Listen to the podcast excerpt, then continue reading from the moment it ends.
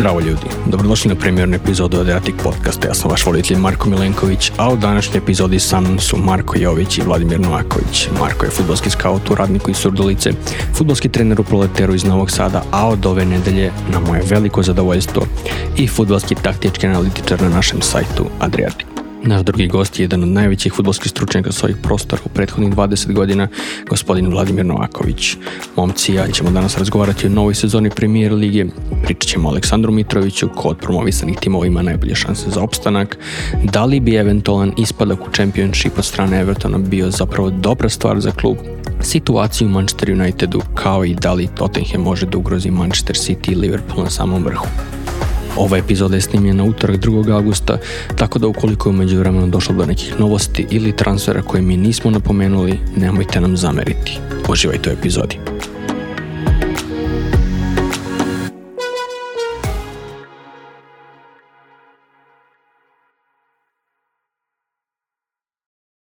Marko, dobrodošao.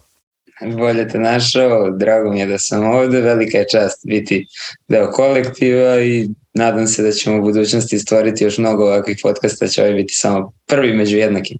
Naravno, hvala puno Marko. Naš drugi gost večeras je jedan od najboljih ako ne i najbolji sportski i futbolski komentator u Srbiji u prethodnih 20 godina, gospodin Vladan Novaković, koga od skoro možete pratiti i slušati na Sport klubom YouTube kanalu u svom podcastu Utorak od Vlade. Vlado, dobrodošao. Hvala, bolje, bolje vas našao i drago mi je da sam eto i ovde prvi gost. Hvala puno. Kako je, kakav je život u Belgiji? Da? Evo lepo vidiš kako je ovaj nebo, rekao si sam koliko je sati, ovaj, toliko sati i ovde, ovde sunce ne zalazi. U ovo doba godine čekam da stigne jesen, pa će tada biti spavanje u, u četiri popodne.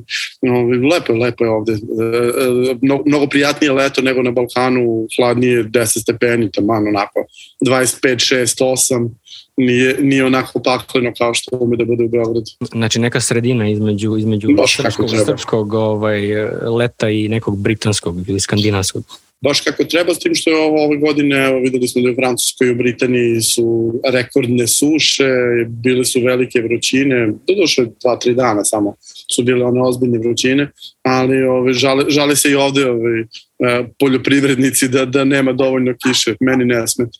Da, meni je, doduše, kad su u pitanju te, te suše i ti pretopli dani, ceo, ceo taj talas koji je bio u Britaniji, verovatno si ti vidio na Twitteru, mi smo se ovde u Srbiji ovaj, na našem Twitteru toliko smejali Pazi, ja, ja, sam, ja sam gledao BBC 6 sati dnevno, ta dva, tri dana, što je bilo prezabavno, nivo njihove panike, to je ludilo bilo, uključivanje sa lica mesta jedan, drugi, treći grad, šokirani ljudi koje su temperature i uhvate na ulici u anketi neki Amerikanci kao šta mislite o ovim vrućinama, kao vidite, mi smo iz Amerike, nama je ovo normalna temperatura, samo nam nije jasno šta se voliko primate. Ali bukvalno to je rekla u kameru i otišli.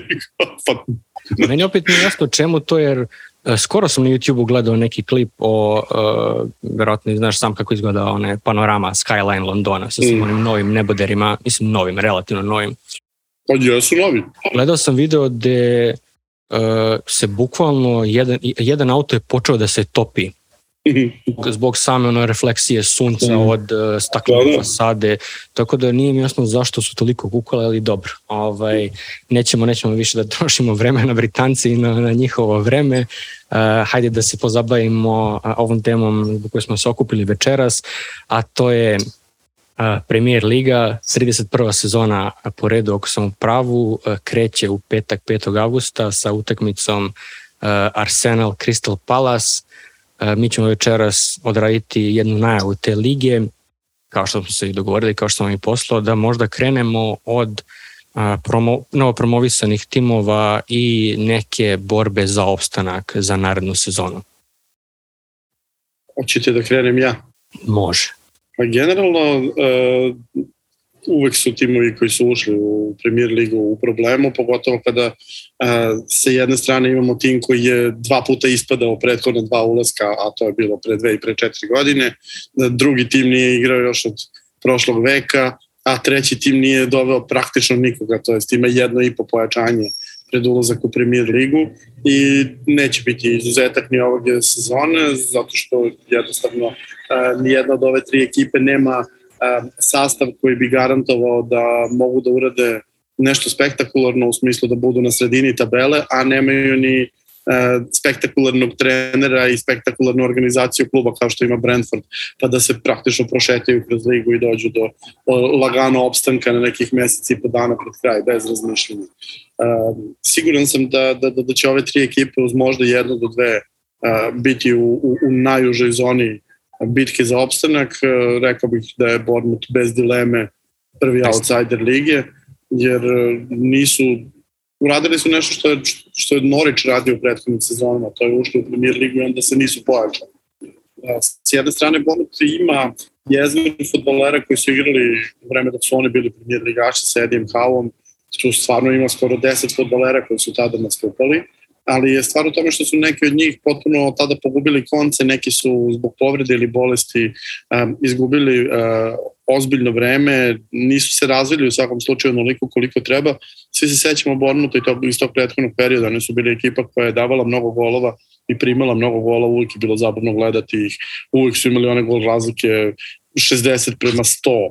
Ove, ali uh, dosta toga se promenilo sa Scottom Parkerom se ne igra takav futbol, Scott Parker je već ispadao iz lige kao trener. Ja, sa Fulhamom pred dve godine.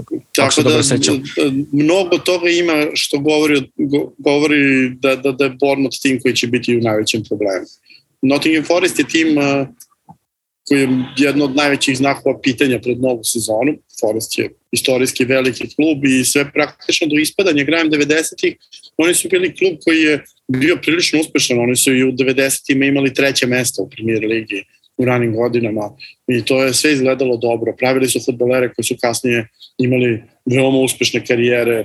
Gledao sam pre neki dan fotografiju na kojoj gol slave Keane i Sheringham, igrači koji će kasnije zajednički postati osvajači trebla sa Manchester Unitedom, Sheringham imati fantastičnu karijeru s prstima. Um, ali ova sada generacija sa tom nema ništa, a drugo, uh, ovaj nivo radikalnog uh, reza što se igračkog kadra tiče, vrlo redko se sprovodi, Fulham je to probao da uradi u onom prvom ulasku, pa smo se spektakularno obilo o glavu, mada uh, to što se tada događalo uh, nije imalo ni jednog trenutka naznaku neke organizacije, nego videlo se da tu postoje neki klanovi unutar kluba, da svako vuče na svoju stranu i dovelo je do, do, do haosa. Ovoga puta prvo um, menadžer kojeg ima Nottingham Forest je sasvim sigurno najbolji od trojice menadžera koji ulaze u elitni rang takmičenja i to će biti njihova velika prednost. Druga stvar je um, način na koji Nottingham Forest kupovo igrača jako interesantan, kupovo ili dovodio, pošto je neke pozajemljivao, um, ali u svakom slučaju najskuplji futbalere je doveo na godinu dana, Dakle, unapred su uračunali to, ok, ako ispadnemo, bar nećemo morati da objašnjamo kako prodati Jesse Lingarda, nego je on potpisao na godinu dana za ogroman ugovor, ali nema onu klauzulu, ok, 20% manja plata, pa i dalje najveća u čempionšipu, nego slobodan je igrač ako ispadnemo, neka ode gde hoće. Um, ali vratit ću se opet na Coopera i vratit ću se na to da Nottingham Forest već neko vreme deluje kao da zna šta radi. Deluju kao klub koji ima ideju, nisam siguran da su bili baš spremni da će već ove godine posle onakvog početka sezone doći tu, tu gde, gde, gde dolaze, odnosno da, da će već sad stići do premier lige, ali očigledno je da su rešili da zagrizu, da probaju, da opstanu. Oni nemaju uh, mnogo igrača koji imaju premier ligaško iskustvo, dakle samo ovo što su uspeli sada da dovedu, ali vrlo, vrlo interesantan prelazni rok. A što se tiče, što se tiče Fulama, ovaj, koje je tvoje mišljenje? Pošto prošlu sezonu su završili, kao što svi znamo, na prvom mestu čempionšipa sa 90 bodova, enormnom gol razlikom. Ukoliko se sećam, mislim da su postigli preko 100 golova, da im je gol razlika bila plus 62, 63. Uh, Aleksandar Mitrović je postigao 43 gola, oborio rekord Ivan Antonio 41 i baš sam, baš sam prethodnih nedelja dosta slušao o njemu na raznim britanskim podcastima, onim njihovim uh, fan YouTube kanalima, gde se povala debata baš, baš vezana za njega. Uh, da li je uh, da li je previše dobar za championship Zanima me tvoje mišljenje što tiče Fulama. Da li, da li postoji šansa? Pošto dosta, uh, ljudi su dosta podeljeni po tom pitanju. Neki, uh, neki ih zaista ne vide, uh, misle da, da je stara, stara priča, novi klub, uh, u premier ligi, novi promovisani. Baš sam, baš sam pre nego smo počeli da, da snimamo pogledao statistiku neku u poslednjih pet sezona, uh, pet od 15 novo, uh, novih, novih tima u premier ligi je ispadalo, uh, tako da... Uh, kreni, kreni od Fulama i Norića koji šest godine već nisu igrali u istoj ligi, pošto non stop jedan ide gore, jedan ide dole. Da, da. Pa, hajde, hajde da krenemo redom. Znači, prvo ti bodovi, ti golovi iz Championshipa ništa ne znači. Premier Liga je mnogo drugačije takmičenje, mnogo, mnogo, mnogo različit nivo. Engleski futbol je sada već zbog ogromne razlike u novcu toliko izdeljen na, na, na, na tijere, na, na, na, na nivoje gde je potpuno nezamislivo da neko sklizne dva nivoa ili se popne dva nivoa, a, a, a nekamo li da napravi nešto više od toga. Ja stalno zbog toga pričam kako je tužno što više ove velike ekipe ne mogu da ispadnu iz lige jer toliko su jače od ovih koji su na dnu tabele, da na, najgore što može da im se desi to je kao Chelsea onda kada je um, Mourinho odlazio poslednji put kada je završio na desetom mestu u ligi. To je dno dna koliko možeš da, da dosegneš, a onda to uporediš sa, sa stvarima koje su se događale pre pre 20-30 godina gde rutinski ekipa jedne godine se bori za titulu, druge godine se čupa za opstanak kako zna i ume da ne pričamo o nekim ranijim godinama. Prva titula Manchester City-a i odmah sledeće godine ispali iz lige. Uh, ono što, što je sa Fulhamom stvar, to je da uh, Fulham sasvim sigurno najopremljeniji da opstane od te tri ekipe. Uh, ali uh, Nottingham Forest je mačka u džaku, zato što za Nottingham Forest je tim koji um, je sakupio takvi igrači, ima takvog trenera da bi mogli da skupe 50 bodova, ali isto tako, pošto su svi novi, a nemaju, niko od njih nema iskustva u premier ligi, možda se desi da imaju 15. Za Bournemouth mislim da je mnogo manji raspon. Za Fulham isto mislim da je mnogo manji raspon, da je mnogo bliži toj željenoj crti koja je sada negde 35 bodova, bila je pre 38 ili 40. Um, I ako bi trebalo da se sad kladiš na nekoga od ta tri ko, koja će da ostane, Fulham je čini se tu najbliži, jer je teško zamisliti da Fulham može da ode ispod 30 bodova. Međutim, i u ovom prethodnom nastupu oni su vrlo korektno igrali. Onom, onom pre toga, pre četiri godine, bili su jezivi. Užasno, užasno to funkcionisalo. Ali u ovom prethodnom su bili ok, ali to nije bilo to.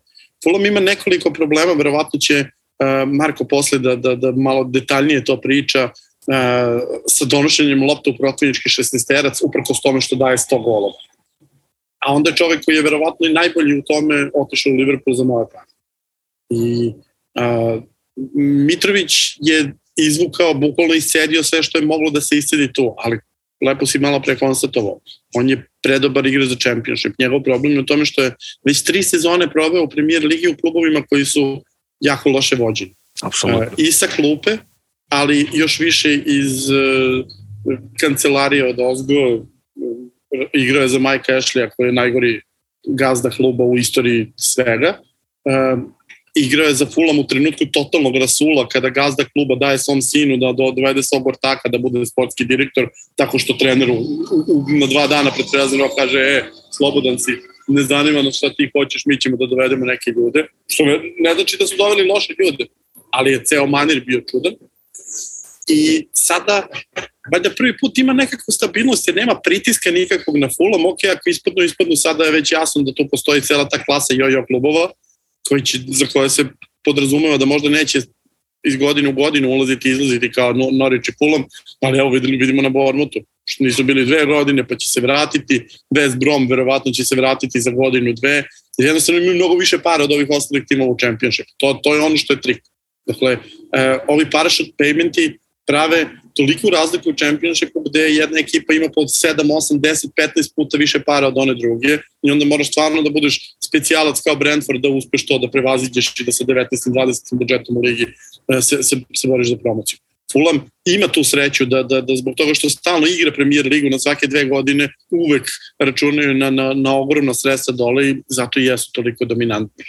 Ono što je problem njihov to je što oni i dalje nemaju futbolere koji su um, klasa da napadaju uh, u, u premier ligi neku sredinu tabele, a nemaju nikada, što čini mi se njihov najveći problem, nikada nemaju trenera koji je taj kalibar kao što je Thomas Frank, kao što je Eddie Howe, da, da, da, da probiju tu barijeru i da direktno iz treće lige u, u, u nekoliko sezona dođu do toga da u premier ligi se nikoga ne boje da igraju svoj futbol, a da to funkcioniše dobro.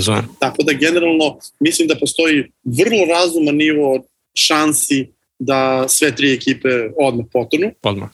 Ako treba da, da, da, da, da tražimo ko je tu najviše šansi ima da opstane, mislim da je to Fulham, ali uz tu zvezdicu da bi moglo da se desi da Nottingham Forest napravi čudesnu sezonu zato što stvarno su doveli gomilu sjajnih igrača.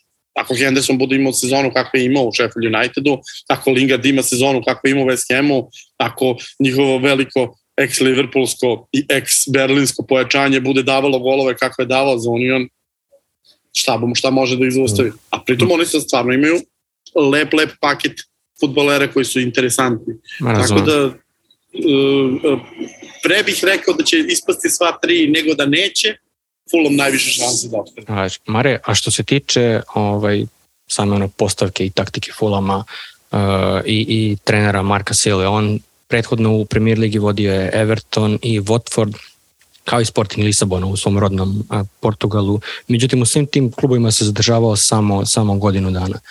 A, šta e, misliš, kako će, kako će njegova igra, njegova taktička postava a, iz Championshipa da se prevede, ako tako mogu da kažem, u ovoj novoj sezoni Premier Ligi? To njegovo iskustvo da se svugde zadržava po godinu dana očito ukazuje da nešto neštima. Da je nešto što on radi na nekom nivou koji je za nijansicu ispod onoga što je standard Premier Ligi. Ja na nekoliko nivoa njega gotivim kao trenera, ima nekih taktičkih zamisli koje meni pašu, ali sa druge strane, baš ovo što je Vlada spomenuo, nema nekako deluje da prečesto nema plan B, odnosno mnogo češće nema plan B, pogotovo u ofenzivnom delu, e, mnogo češće nego što ga ima i onda samim tim njegove ekipe deluju previše očekivano. Ako izuzmemo šansu da oni centriraju za Mitrovića ili nekako nasilno donesu loptu u 16 metara, e, ne vidim drugi način da će ponekada ugroziti protivnika, pogotovo sa svim očekivanjima koje svi klubovi imaju da će oni gađati Mitrovića. Dakle, Marko Silva će morati da traži svoje planove B, da traži kako da skrene pažnju s Mitrovića, zbog toga verovatno imamo situaciju da Mitrović u premier ligi ne izgleda toliko dobro, baš zato što mnogo dobro izgleda u čempionšipu i sve ekipe koje igraju protiv Fulama nužno znaju da je on ta prva opcija, prva koju će gađati. I samim tim treneri koji su bili u, u Fulamu uz sve ovo što smo rekli o organizaciji kluba, su morali da traže neke alternative za svoje najbolje rešenje, zato što je ono očekivano i gubili se u, moru nepotrebnih poteza. E, isto tako vidim da će i Marko Silva proći ove godine, koliko god vlada verovatno najviše veruje u njih, ja možda za nijansicu više verujem u Nottingham Forest, zato što mi se sviđa e, kompatibilnost, kompatibilnost njihovog rostera, sviđa mi se e, koliko komplementaran može da bude Jesse Lingard sa napadačima, mislim da Fulham ima nešto manje šanse od Nottingham Forest, ajde ako ćemo tako da kažem. Znači vidiš Fulham ovaj sledeće sezone nazad u Championship? Vidim jer mi je Fulham nekako već ispričana priča. Svaki put se desi jedno te isto, svaki put su to neka pojačanja koja meni i taktički i, i profilno imaju smisla da budu na tom mestu gde jesu, pogotovo recimo Paljinja koji je došao iz Portugala, za kog ja smatram da je stvarno odličan igrač, ali sam siguran da će mu trebati nekoliko meseci da se e, privikne na intenzitet lige i da u tom periodu recimo Fula može da ispašta baš zbog toga, iako on sjajan igrač, ali u nekom sistemu Marka Silve verovatno može da izgubi na onome što je njemu osnova, a to je igra u nekom posjedu na sporijem intenzitetu. E, a što se tiče, uh, ok, prošli smo promovisane klubove, što se tiče klubova koji su opstali prethodne sezone. Dobro, Vlado, ovaj, kako je tvoje mišljenje? E, verovatno najlošije vođeni što se taktike tiče tima Premier Ligi je prošle godine bio Everton, dobro, ne računamo ovaj, klub za koji ja navijam, ali to je posebna priča, doći ćemo i do njih, ali ovaj, Everton je jedna jedna totalna stihija oni kao takav klub funkcionišu već godinama i oni su neko vreme čak i dovodili trenere da bi takve stvari radili i generalno im je želja da igraju futbol koji je baziran na tome da neko dođe zagrali njihove najbolje igrače i kaže ajde majstore ti to možeš i da on reši utakmicu. I na kraju što je najgore oni su stigli do opstanka na taj način uh, i, i opet će igrati premier ligu. Ako me pitaš koja ekipa je ta koja će da ode dole, a da Fulham i Nottingham Forest ostanu, Everton bi mi bio prvi, prvi i drugi i treći i četvrti izbor. Iz prostog razloga što uh, sve kod njih je problematično. Prvo, uh, prelazni rok, rekao si sam, predali su svoga čoveka koji im je donosio ključne trenutke, uh, kupili su praktično samo od, od bitnih igrača su kupili samo još jednog štopera i sada imaju čitavu selekciju štopera. Sad nije da daleko od toga da njima nije bio potreban novi štoper. Ljudi kada pogledaju njihov roster pomisle kao ok, ali vidiš već imaš 4-5 igrača koji tu mogu da igraju, ali onda pogledaj koliko vremena provode na terenu tih 4-5 igrača, da su oni svi iskroni povredama, da nikad nisu tu i to je žestok problem. Tarkovski vuče za sobom jednu jako bitnu stvar koja se vrlo često u modernom futbolu prenebregava, to je uh, mentalni faktor jer on je baš onako pravi kapitenski materijal izrastao i dok je igrao u Burnleyu od igrača koji je bio ono klasičan fringe player koji je praktično sa, sa 14-15 godina maknuti iz ideje da će igrati profesionalni futbol u to da je u premier ligi uh, uz, uz Benamija bio nosilac te ekipe, dakle dva igrača koji su igrali na pozicijama štopera su bukvalno vodili ekipu Burnleya tokom uh, uh, svih dobrih dana, pa na kraju i onim lošima koji su doveli do ispadanja. Um, I s te strane on može da donese nešto veliko ekipu. Međutim, Everton ima jedan stalan problem, a to je što ima golmana za koga svi znaju koja mu je najslabija tačka i kako mu dati gol i vrlo često to i koriste, jednostavno prenizak kada se sabere njegova visina i domet ruku, raspad ruku. Jordan Pickford je čovjek koji, kojem fali nekih 7, 8, 10 cm da hvata lopte koje su visoke, ima problema kod centar šuteva, ima problema kod bilo čega visokog i ima problema sa šutevima koji idu pod prečku i vrlo često prima golove iz lobova, vrlo često prima golove pod, pod potrečku i veliko broj timova to zna. Kad imate neko ko već ima jasnu manu, znate kako možete da ga kaznite. To je jedan nivo. Drugi nivo je, opet se vraćamo na, na, na taktiku, što kada Everton igra ti apsolutno nemaš ideju šta oni žele da rade, nemaš ideju e, kako žele da grade igru, nemaš ideju kako žele da napadaju, a nemaš ideju ni kako žele da se brane. Veoma im je nekompatibilna ekipa, veoma su im igrači um, uh, zavise od inspiracije i pri uh, načine koji kupuju futbolere, što su sad sa Dwightom McNeilom i zaokružili, uh, govori o tome da ne vode previše računa o inteligencije futbolera koji dovode i ne vode računa o konzistentnosti futbolera koje dovode. Dakle, sakupili su ekipu koja je sastavljena od velikog broja heroja, od velikog broja igrača koji su u stanju da urade nešto veliko u datom trenutku, da daju gol sa 25 metara, da asistiraju nešto na čudesan način, a onda ih nema u nekim ključnim trenucima i kada ekipa krene da se raspada, voda ulazi u uši i nastaje haos. Na sredini terena oni su imali prošle godine totalni haos, kroz njih se bukvalno prolazilo kao da nema nikako nik, ničega tu i ne vidim ni da su to rešili, niti da imaju neku konkretnu nameru to da reše. Tako da ako će neko da ispadne iz lige, a da to nije neko od ova tri koje su ušli, prvi kandidat je bez ikakve divane timeva. E, a onda možemo da dođemo na drugu stranu te priče i neki pulica, samo trenutak. Da. Ali kakva bi to tragedija po meni bila i za klub i e, za pa, premier ja, ja čak ligu. I nisam siguran, ja čak nisam siguran da bi bilo tragedija. Mislim 2016. Da... godine sam bukvalno sanjao da Aston Villa ispadne iz lige zbog Aston Villa. Što Dobro. Aston Villa već 3-4 godine u tom trenutku delovala kao uh, tim koji se, klub koji se raspada, koji teži dole i koji ne ume da ispadne. Um, gomila velike klubova je ispadala. Newcastle je ispadao, West Ham da. je ispadao. West Ham je ispadao sa timom koji ima u tom trenutku 7-8 reprezentativaca, pet engleskih, sjajan tim, tim koji treba da ima, da ima te godine 55-60 bodova kad vidiš sastav, a oni ispadnu iz lige. Um, Aston Villa je ispala zato što je bila najgori tim i prethodne dve godine. Everton je bio najgori tim prethodne godine, realno. Uh, nije ispao.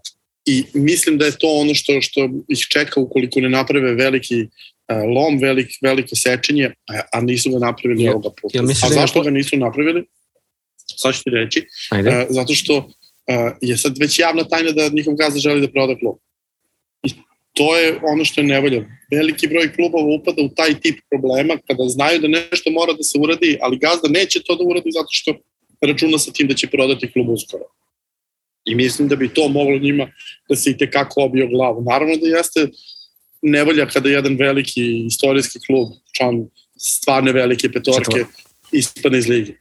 Ali je stvar u tome što e, čak ne mislim da bi za Everton bilo loše da ispadne iz ligi. Samo što bi bilo malo smešno ako se pogleda šta je pre dve, tri godine bila priča kada je Muširi stisao da. i kako će novi stadion spektakularan, kako žele da napadnu uh, privat Liverpoola u gradu, da. ne samo Ligu šampiona, hoće, hoće da se takmiče sa Liverpoolom u svom gradu, žele da se vrate tamo gde su bili 80 i kad su bili i prvaci osvajali Evrokupove, sve sve to žele i onda ti iz toga do, do, dođeš u situaciju da, da igraju za opstanak kontinuirano i da ne vidiš nikakvu ideju ni na terenu, ni u kancelarijama šta žele da naprave. Kao što rekao, Lampard nije taktičan.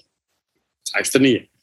Ali nije čak ni to problem, jer nije prvi koji je doveden sa tim planom i ceo klub je pravljen sa tom idejom hajde mi da dovodimo takve ljude koji će da budu Ancelotijevsko-zidanovski tipovi, znači koji će da apeluju na, na mentalnu snagu igrača, a što bi rekao Karlo, šta ima mi da, da treniram, znaju oni to bolje od mene. Da. Mislim, tako možeš da igraš sa Realom, kad imaš ono čudesa od igrača koje su to već prošle sa ovim prethodnim trenerom kojim je donao sve one prethodne titule. Mnogo, mnogo problema tu ima i na kraju je sve na oruk. Oni su opstali u ligi tako što su bombardovali protivničke šestesterce, pa kako se odbije. Ako ćeš tako da igraš futbol sa uloženih milijardu evra u prethodnih pet godina, šta da ti kažem? E, vraćamo se na lice.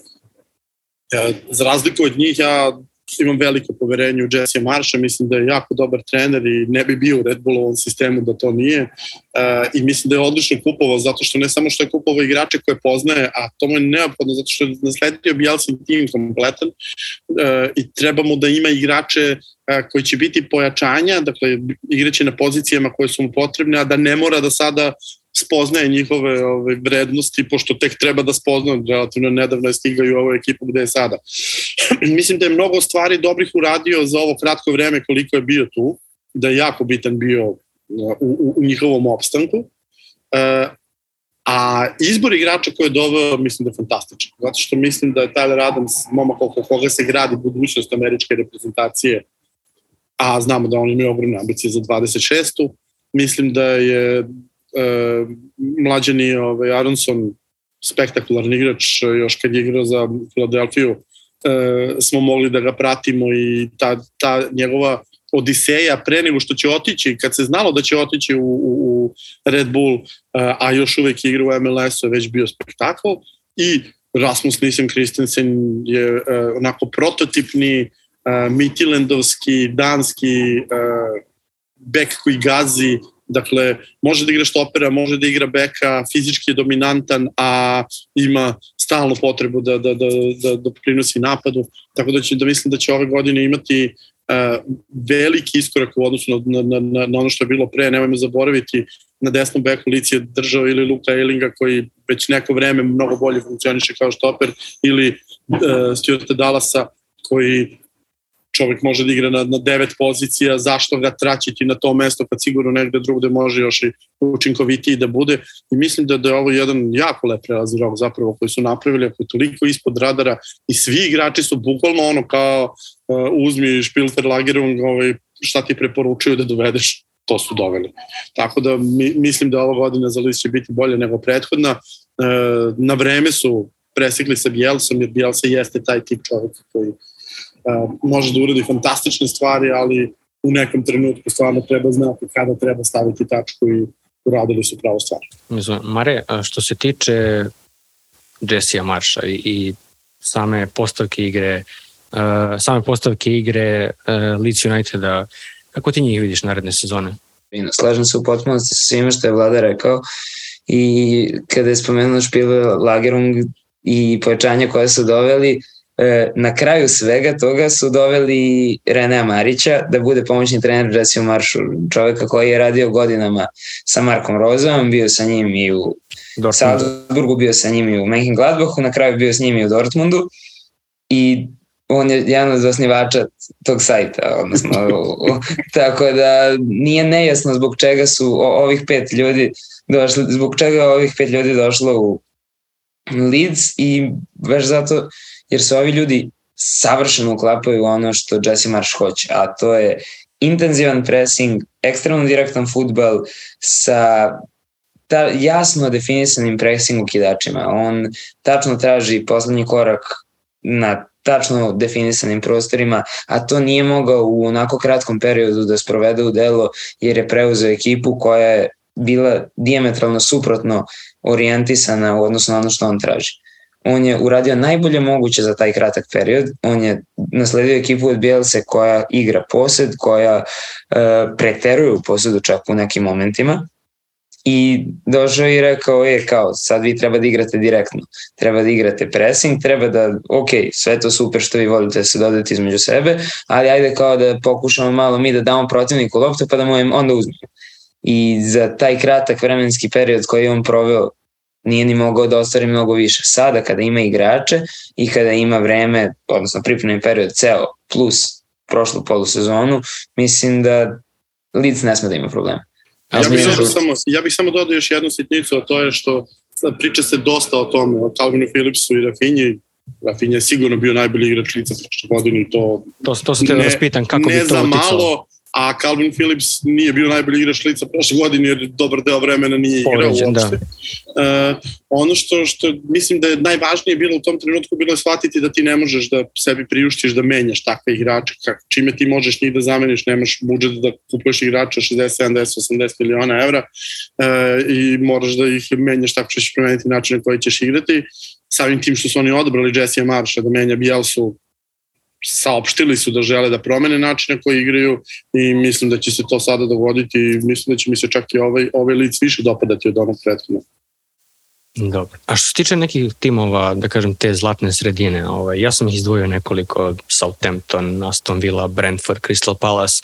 Da li možda vidite neko ovaj, od tih ekipa da naprave korak napred, možda da se bore za Evropu ili da dođe do nekog negativnog scenarija i da, da se bore za, ovaj, za opstanak u ligi. E, da li možda vidite Aston Villa kao neko ko, ko može da napadne tu na ligu konferencije ili možda čak i nešto više? Pa ta četiri koje si naveo, Aston Villa je jedina koja ima ambicije to da radi. E, zato što Brentford sasvim sigurno nema još uvek ambicije i pitanje je da li će se to i u kom trenutku dogoditi. E, Southampton je tek na početku procesa kroz koji su timovi kao Brighton i Brentford prošli malo ranije a koga si još navio Crystal Palace, mislim da je Crystal Palace pikovao prošle sezone i stvarno je šteta što su završili sa tako malim brojem bodova jer su igrali futbol za više od toga. Ne treba zaboraviti, Crystal Palace je imao jednu ultra radikalnu promenu a, a, sistema svega dakle, kompletnog igračkog kadra, tipova futbolera, mentalnog, tipova futbolera po godinama, tipova futbolera po načinu na koji igraju futbol i promenili su fundamentalno kako igraju futbol od jedne ultra defanzivne kontraške ekipe pretvorili su u futbol, tim koji može da se gleda i igra atraktivan futbol i imaju nekakav posled, ili su posled koliko, 10% u odnosu na prethodnu godinu, ako ne i više, što je nadrealno u jednoj godini i da uz to sve čak i napreduješ na, na, na, tabeli u vodovnom saldu. Tako da što se Palasa tiče, mislim da su oni tu kao malo se podigli iznad svojih realnih mogućnosti. E, prelazni rok je onako interesantan, ali ne spektakularni protiv razloga što kada izgubiš jednog igrača kao što je Conor Gallagher, koji je toliko bitan bio prošle sezone, e, i, i kao individualac i, ka, i kao deo koncepta, zahvaljujući njemu dobrim delom je bilo moguće to što se dogodilo. E, pitanje je dokle dalje možeš da ideš. Dakle, ja ne vidim Palas u problemu bilo kakvom, ali e, ne vidim ni da mogu da naprave iskorak. Kada je u pitanju Brentford, Brentford je ostao bez svog talismana iz e, prolećnog dela sezone čoveka koji kad se pojavio e, bukvalno je sila koja se pojavila i rešila stvar, ali Brentford je jedna neverovatna priča. Brentford je koncept, Brentford je sistem, Brentford je tim koji uh, na sve to ima još i cheat kodove u vidu toga što imaju svoj prateći tim koji je top 2 tim u jednoj ozbiljnoj ligi i imaju kontrolu nad kompletnim tim tržištem i susednim tržištem, pola njihove reprezentacije drže u klubu, evo, Mikila Damsgora dovode, znači doveli su Heiberga za koga sam bio u fazonu eh, ono, samo da pobegne iz Italije, da prestanu da uništavaju, eh, ne Heiberga, izvinjavam se, nego ove, ovaj, Kristina Nergora, za koga sam bio u fazonu, daj samo da pobegne iz Italije, da, da ne uništavaju čoveka, došao je ovde i bio otkrovenje sezone. Evo sad će to isto da se desi sa Damsgorom, E, pre toga su pokupovali, imaju 12 danaca na, na platnom spisku. Dakle, jedna ekipa koja e, fantastično koristi svoje prednosti, koja je limitirana oko mnogo toga. E, ponovo ću vratiti tu priču. Oni su tim kojeg je e, Matthew Benham pokupio kada je bio na ivici kolapsa, na ivici gašenja, na ivici bankrota, na dnu treće lige za relativno male pare ih je doveo u drugu ligu, bio je konstantno među najmanjim budžetima u drugoj ligi i stigli su u premier lige i u premier ligi bukvalno su, što bi Englezi rekli, cruised e, to, to safety, dakle nijednog trenutka nije delovalo kao da, da, da, su, da su ekipa koja je u problemu, možda tamo oko nove godine su imali lošu seriju, ali e, čak ni tada nisu bili blizu zone ispadanja same po sebi. Tako da e, mislim da, da oko Brentforda tek neće biti nikakvih problema, e, mada su i oni imali jedan veliki potres, ne treba zaboraviti njima, je Rasmus Ankersen otišao iz kluba u decembru, a on im je bio guru i, i na terenu ono što je Matthew Benham u kancelarijama bio i to svakako će napraviti neku razliku.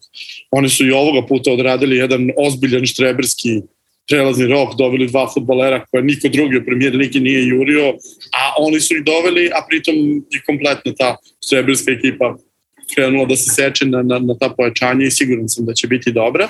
Um, Southampton je tim koji je preuzeo Rasmus Ankersen iz Brentforda, dakle isto to samo malo kasnije, um, s tim što on je stigao tek na, u januaru praktično kada, su, kada je klub kupljen, s tim što ovde ima malo višu ulogu nego što je imao u ekipi Brentforda gde je bio klasičan sportski direktor, a ovde će biti jedan od vlasnika kluba i imati, njegova reč će imati mnogo veću težinu. E, Rasmus Arenkersen je jedan od najvažnijih ljudi za svetski futbol u poslednjih 10 godina.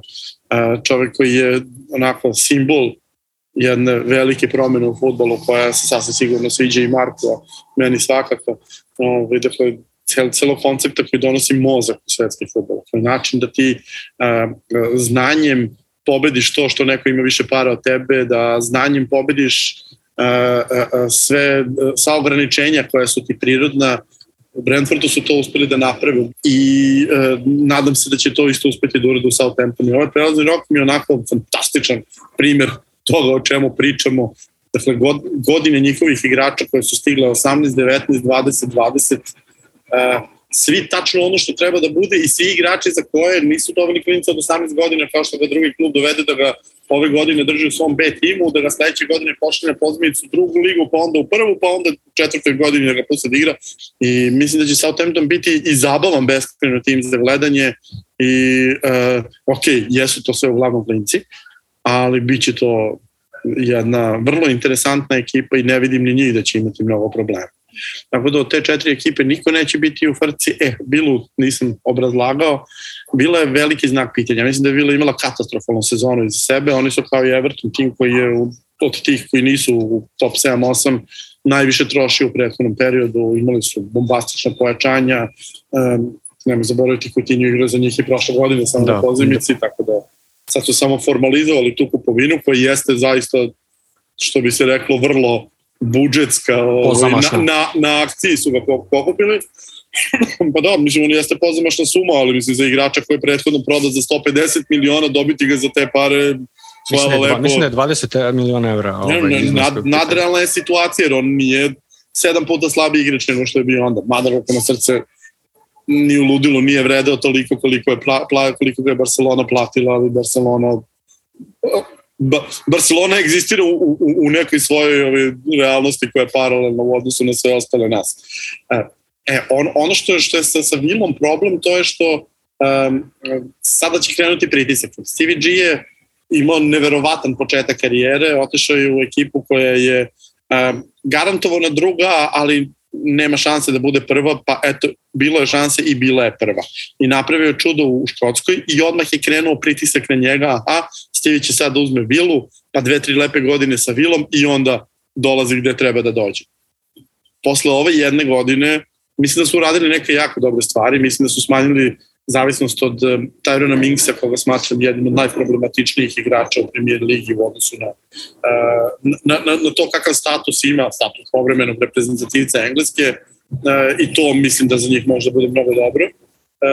Popunjene su se lepo na, na nekim pozicijama, meni se jako dopada dolazak Ludviga Augustinsona koji im onda dopunjava to da imaju dva fantastična leva beka i na, nekim, na, na većini pozicije sada imaju dupliranje, u smislu zaista imaju kompletne dve postave.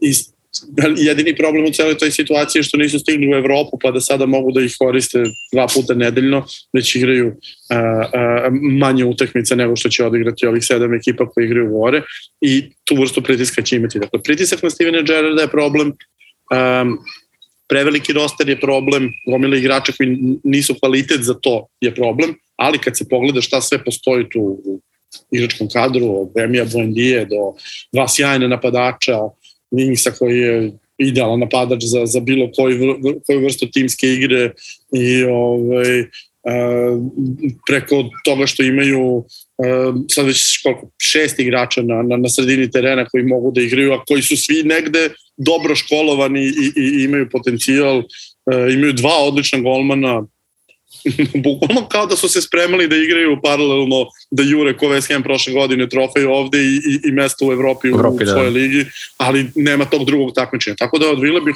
očekivao ove godine da ozbiljno zagrizak sa kupovima, biće suluda sezona zbog toga što što će uh, raspored biti uh, Za nabijen. prvenstvo u novembru. Ali po, zbog toga što pravi haos potpuno. Mislim, ovo, ovo što će se desiti između septembra i novembra kada će stvarno da igraju svaka tri dana svi, to će biti cirkus ali uh, nisam siguran kako će se to sve raspasiti. Dakle, Vila ima potencijal da iskorači iz ovoga gde je sada, mislim da imaju užasnu sezonu iza sebe, mislim da sa ovim uh, predispozicijama koje ima, dakle, veličina kluba, uh, feel good faktor zato što su vratili u premier ligu i odmah pokazali da mogu uh, to što su uh, gazde rešili da iskeširaju jedan prelazni rok, drugi prelazni rok, treći prelazni rok, sve ispod nekog desetog mesta za njih je katastrofa uvek, a problem je u tome što ne vidim umesto koga bi se ugurali u top 7.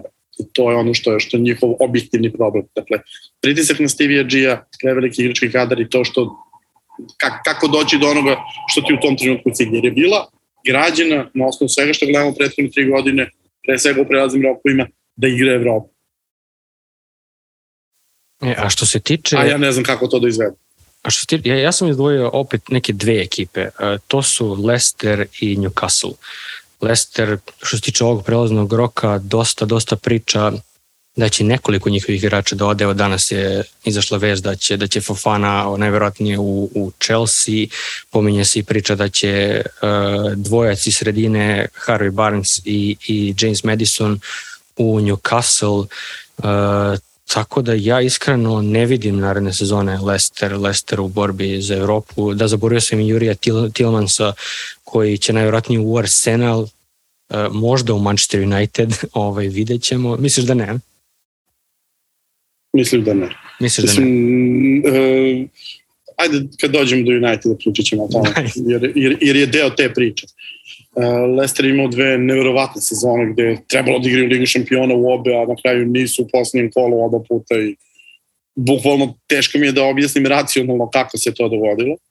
Uh, već prošle godine je bilo jasno da, da su tu problemi i, i, i lični, da su tu problemi sa onom standardnom situacijom da na svake tri godine moraš da osvežavaš tim, oni to nisu uradili, samo su dodavali nova, nova imena, ali e, ovi su stari ostali sve tu. Oni i dalje pred golom protivnika zavise previše od Jamie Vardija koji će biti sigurno gladan i ljut ove godine jer mu žena napravila. Madison odlazi već godinama. Otići će u nekom trenutku sigurno jer njemu bukvalno sada ističe vreme da, da ode. Napravio je veliki iskor kad je otišao iz Noriča ovde, na, prvo kad je otišao iz Coventry u Norič, sve radio kako treba, međutim mislim da već godinu dana kasnije sa odlaskom iz Lestera. Prečesto se povređuje da bi mogao sebi da dopusti da, da, da mu propadaju godine. Uh, Ndidi, ista priča, dakle, ja sam ga očekivao da, da bude prodat, zato što je to i mentalitet Lestera da napravi igrača, da ga dovede za 10 miliona, da ga upgradeuje za 20 miliona i da ga proda za 50. Međutim, sa mnogo igrača to nisu uradili. Tillemans je recimo, čini mi se, tačno sada ušao u tu pravu godinu da ode. To će se verovatno desiti. Ja ne vidim. I drugo, Brendan, mislim da Brendan neće ostati, ja ne verujem da će on sačekati kraja sezone tamo zbog sebe, ne zbog kluba. Što se Vulsa tiče, to je druga vrsta problema. Imam utisak da je Mendes malo previše vremena proveo bavići se Ronaldovom sledećom sezonom, a premalo klubom za koji je vezan. Nisu baš mnogo kupovali i nisu kupovali u skladu sa onim što su do sada radili. Um, nisu našli način da, na, da zamene Raula Jimeneza, koji nemam utisak da više može da bude igrač posle povrede kakav je bio nisu uspeli da nađu način da zamene onoga Damo Traore iz prethodnih godina. Ovi Portugalci koji su dovodili prethodnih sezona uglavnom nisu, mislim, na napadačkom delu tima, nisu ispunjavali očekivanja. Mutinju ima 100 godina, prošle godine im je Jose sa čudesnim odbranama namakao 10, 12, 15 bodova i stavio ih na potpuno neočekivano mesto u odnosu na to kako je to zaista izgledalo na terenu. Tako da ne vidim ih u borbi za opstanak, ali ih ne vidim baš ni, ni blizu onoga gde su bili do pre godinu, dve, a to je sedmo, osmo mesto. I zato su mi Leicester i oni nekako kao partici. Da. Newcastle je potpuno druga priča. Newcastle je tim koji već možemo da kojim već možemo da pričamo o tome ko će igrati Evropu sledeće godine. Prvo Newcastle ima fantastičnog trenera, drugo Newcastle ima fantastičan koncept ovo što su do sada uradili jako mi se dopada ekipa koja ima sve pare sveta, ali nije otešla da kupi Neymara, Ronalda da li... i a svi su svi su trenutno dostupni. Oni su doveli gomilu igrača koji će im pomoći da obezbede opstanak i ne samo da su obezbedili opstanak, nego su završili na sredini tabele, nego su uspeli da ispromovišu Bruno Gimaraeša u jedno od otkrovenja ne ove godine Premier Lige, nego decenije Premier Ligi. I sad to sve izgleda kako treba i dobar ponovo prelazni rok i ponovo hladna glava ponovo tačno ono kako ide. Oni znaju da ne, ne mogu za godinu dve da budu prvaci Evrope. Ali mogu da naprave sistem po kome će za 4-5 godina kad jednom dođu da budu prvaci Engleske, da to izgleda još surovije nego kad je City postao prvak Engleske. Da to bude potpuna dominacija, jer nemojmo zaboraviti, njihov gazda ima hiljadu puta više para nego gazda City. To nisu male razlike. To nije malo bogatiji od njega, nego može kupi njega i još sto takvih i da mu ostane mnogo više od toga. To, to je ono sa, sa čim se mi zato suočavamo. Dakle, to je nešto što, što nas čeka sutra od Newcastle. A sjajno je što Newcastle nije rešio da iskešira sada u prelaznom roku milijardu evra i da dovede sve na svetu i da bude, vidi kakvi smo šareni. Jako sam zadovoljan time kako Newcastle funkcioniše bukvalno od trenutka kada su promenili vlasnika, dakle nisu izabrali neko zvučno ime, nego su izabrali Hedija Haua kao najboljeg menadžera koji je u tom trenutku bio dostupan, koji nije imao klub, a za koga smo svi žalili što nema klub. I kupovali su igrače kako treba i tada i sada i ja od njih očekujem da će biti vrlo nezgodni i oni su taj osmi klub koji će se boriti za Evropu. Da. Mare, a kako bi ti ovaj, definisao Edija Haua i njegovu igru i šta možemo očekivati od Newcastle ove sezone?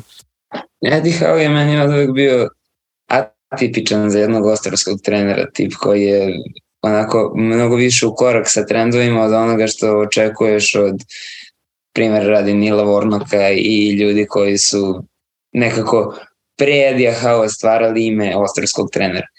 E, sviđa mi se ovo što rade sistemski, sviđa mi se što ne žure ovo što je vlada rekao.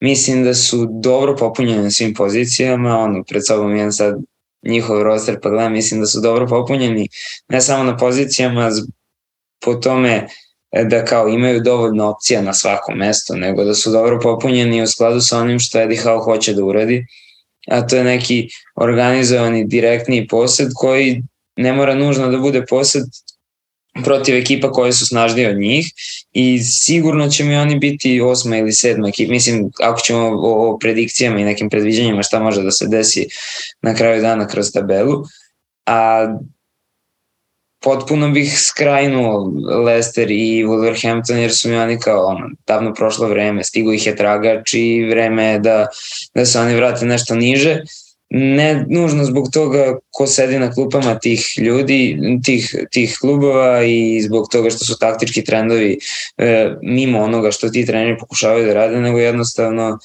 e, Leicester mnogo više igrača planira da napusti nego što vidim da u idealnom svetu može da dođe i da popuni ono što recimo Rodgers hoće.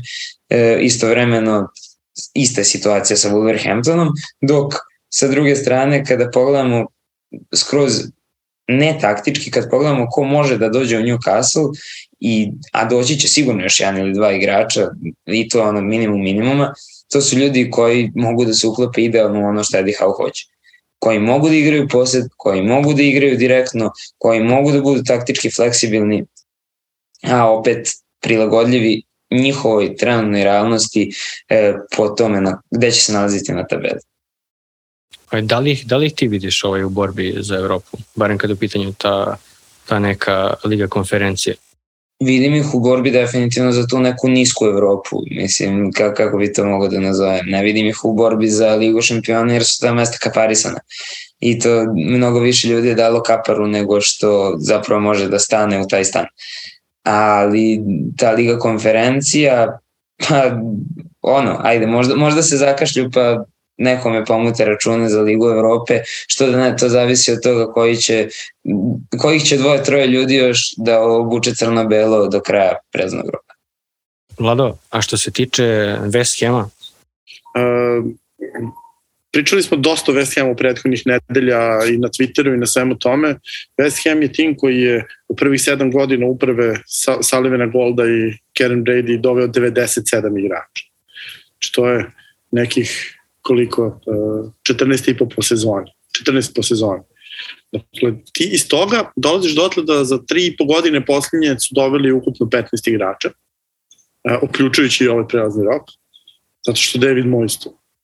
I dolazak Davida Moyesa i to što su njihove tri odvojene uprave odlučile da se svaka povuče i da puste da David Moyes bude taj koji kupuje i da umesto da dvojicu igrača dovede jedan gazda, trojicu drugi, a dve, dva gazdarica, sada David Moyes je taj koji bira ko, ko se dovodi, koji ide da isfiltira, koji radi sve, bukvalno. E, igra futbol kakav se njemu igra. E, setite se šta se dešavalo sa prethodnicima njegovim kada su igrali neatraktivan futbol e, sa mnogo odbrane, sa mnogo krupnih momaka. Dakle, potpuno e, David Moyes je jedan e, anahron menadžer. Način na koji on igra futbol nije futbol 2020 ali jako dobro radi to što radi i već u dva kluba jako dobro radi to što radi.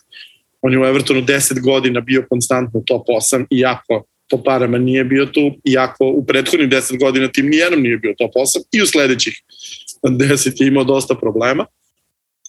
E, I to izgleda da se sprema da radi u ekipi West Ham. Dakle, a, opet je radio kako treba, opet je dovodio igrače kakvi su mu potrebni, neki od njih vrlo čak i atraktivne. Evo, vidjet ćemo šta nova napadačka italijanska zvezda ima da uradi i da li on taj koji će biti ono što Sebastian Ale nije, nije uspeo da bude u, od svih ekipa samo tu nije uspeo da bude. E, konačno Michael Antonio nije jedini napadač na rosteru kojeg imaju. Konačno su e, pustili Jarmolenka da ode kad već nikad ne igra. Konačno su pustili Nobla da ode jer čovjek igra već 30 godina sve, sve to deluje kako treba. Dakle, svi potezi su dobri, dovođenje golmana i utvrđivanje odbrane koje je napravio sistematski. I nemojmo zaboraviti kako je to izgledalo pre njega. Golmani su bili rotacija, ni na šta nije ličilo. E, stalno su imali problema sa štoperima. E, bekove nisu mogli da pronađu. Sada sve to radi. Dakle, ne samo da postoji, nego zaista radi. I e, našli su idealnog čoveka da izvodi prekide, a, a klub su koji je verovatno najpotentniji na prekidu u Evropi. Apsolutno sve kako treba je postavio, ja ne vidim da oni mogu baš mnogo da skliznu za ovo gde se sada nalaze. E sad, nažalost, to što su postavili verovatno nije dovoljno da se napravi neki iskorak dalje, ali bi to Liga konferencije i ovo što Marko kaže, uh, ko, vidjet ćemo ko će se samo uništiti od ovih iznad njih da se spusti za koji bod, pa možda i ta Liga Evrope, Liga šampiona je nešto što je ipak malo izvan dometar, previše ekipa koje mogu, mogu da stignu u nju. teško je zamisliti da, da tri kluba mogu da failuju u istoj godini. Da, Mare, a ovaj, u, koliko će dolazak Gianluca Skamake ovaj, uticati na, na igru West Hema i šta misliš o, pošto prošle nedelje, ukoliko se dobro sećam, pojavila se informacija da je West Ham takođe zainteresovan za Filipa Kostića. Ovaj, ukoliko dođe do tog transfera, kako vidiš njegovu ovaj, igru u, u, i, i ulogu u tom timu i da li, da li ovaj West Ham stvarno može da napadne tu, tu Ligu Evrope, ukoliko neko od ovih giganata sklizne? Sigurno da može. Ono što je glavni utisak moj, pa mislim da bukvalno svako koji jednom pogledao futbol tačno zna šta će Mojes da odradi na svakoj utakmici i da će da zeva dosta često dok to traje. Kada dođe Filip Kostić, on će dosta dobro klikne sa Skamakom zato što njih dvojica su kompatibilni profilno. Kostić voli napadača poput Skamake i Kostić svojim najboljim oružjem tim nekim centar šutovima i iz kasnijih zona mnogo lako može da nađe e, ljude poput Skamake koji se kreću slično kao što se kreće Haler pre kao što se kreće uh, Jović pre, tako da mogu da vidim to da klikne i mogu da vidim to klikne kod moje sa da li ću voliti, neću, volit ću ako Kostić dođe pa ako mu bude super zato što ne znam, ako patriotski valjda, Ali, Svetsko prvenstvo je u novembru. Tako treba, je. Treba Bože zdravlje da, da namesti 450 golova i da Skamaka da svih 450 na njegovu asistenciju. Tako da mogu da odu gore, mogu da odu više, zavisi od toga ko se kataklizmično spusti niže. Evo ćemo sada o verovatno i najkontroverznijem klubu u Premier Ligi, ovaj, kako prethodne, tako i ove sezone. Vlado, radi se o tom Manchester Unitedu, katastrofalna sezona, ovaj, katastrofalna prethodna sezona, tri trenera, neigranje Lige šampiona naredne, e, katastrofa u ovom prelaznom roku, ovaj fijasko sa, sa Ronaldom, ja zaista ne znam kako bi ga opisao. Mislim, ja kao ne, njegov ogroman fan i kao, kao neko ko je, kome on, ovaj, dok sam bio klinac, bio neki futbalski idol, ne znam zaista kako da ono, procesuiram ove informacije, šta se dešava, uh, fijasko sa uh, De Jongom, šta se, šta se dešava u Manchester Unitedu? Ja ne vidim baš mnogo toga kontroverznog u Unitedu. United je jedan vrlo konzistentan klub koji ide u istom smeru već 13 godina i e, zapravo je jedino čudno što za tih 13 godina nijednog trenutka nije pomislio da možda zaustavi se taj hod koji je zaista u nekom normalnije vreme, dakle pre 30 godina United bi do sad već dobrano igrao drugu ligu. To po svemu, po svemu što se dešava je zaista jako loše ustrojeno od samog vrha do samog dna. Činjenica da ti imaš klub koji dovede čoveka da bude savjetnik, da proba da postavi klub na prave noge, a onda raskineš ugovor sa njim pre nego što zaista počne da bude savjetnik, iako ti je dao 50 sjajnih saveta za to vreme, iako ti je uh, dao kompletan presek šta su sve tvoji problemi in vivo dok sve to traje, uh, ko su problemi u klubu, sve ti je naveo i javno ih je navodio bez ikakvih problema, to je već skandalozno. Da dovedeš novog trenera i da dovedeš kompletnu novu uh, strukturu ljudi koji su iza njega, sportskog direktora, izvršnog direktora i tako dalje, i da ga predstaviš na poslednjoj utakmici prethodne sezone i da onda oni svi odu na odbor na mesec dana. To je meni bilo dakle, saopštenje gde neki 25.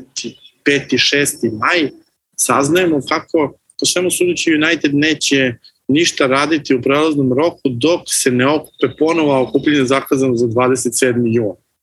I ti pogledaš, čekaj, mislim, mi pričamo o timu koji A ima 12 igrača koje treba da proda odmah, B ima 8-9 mesta koje treba popuniti.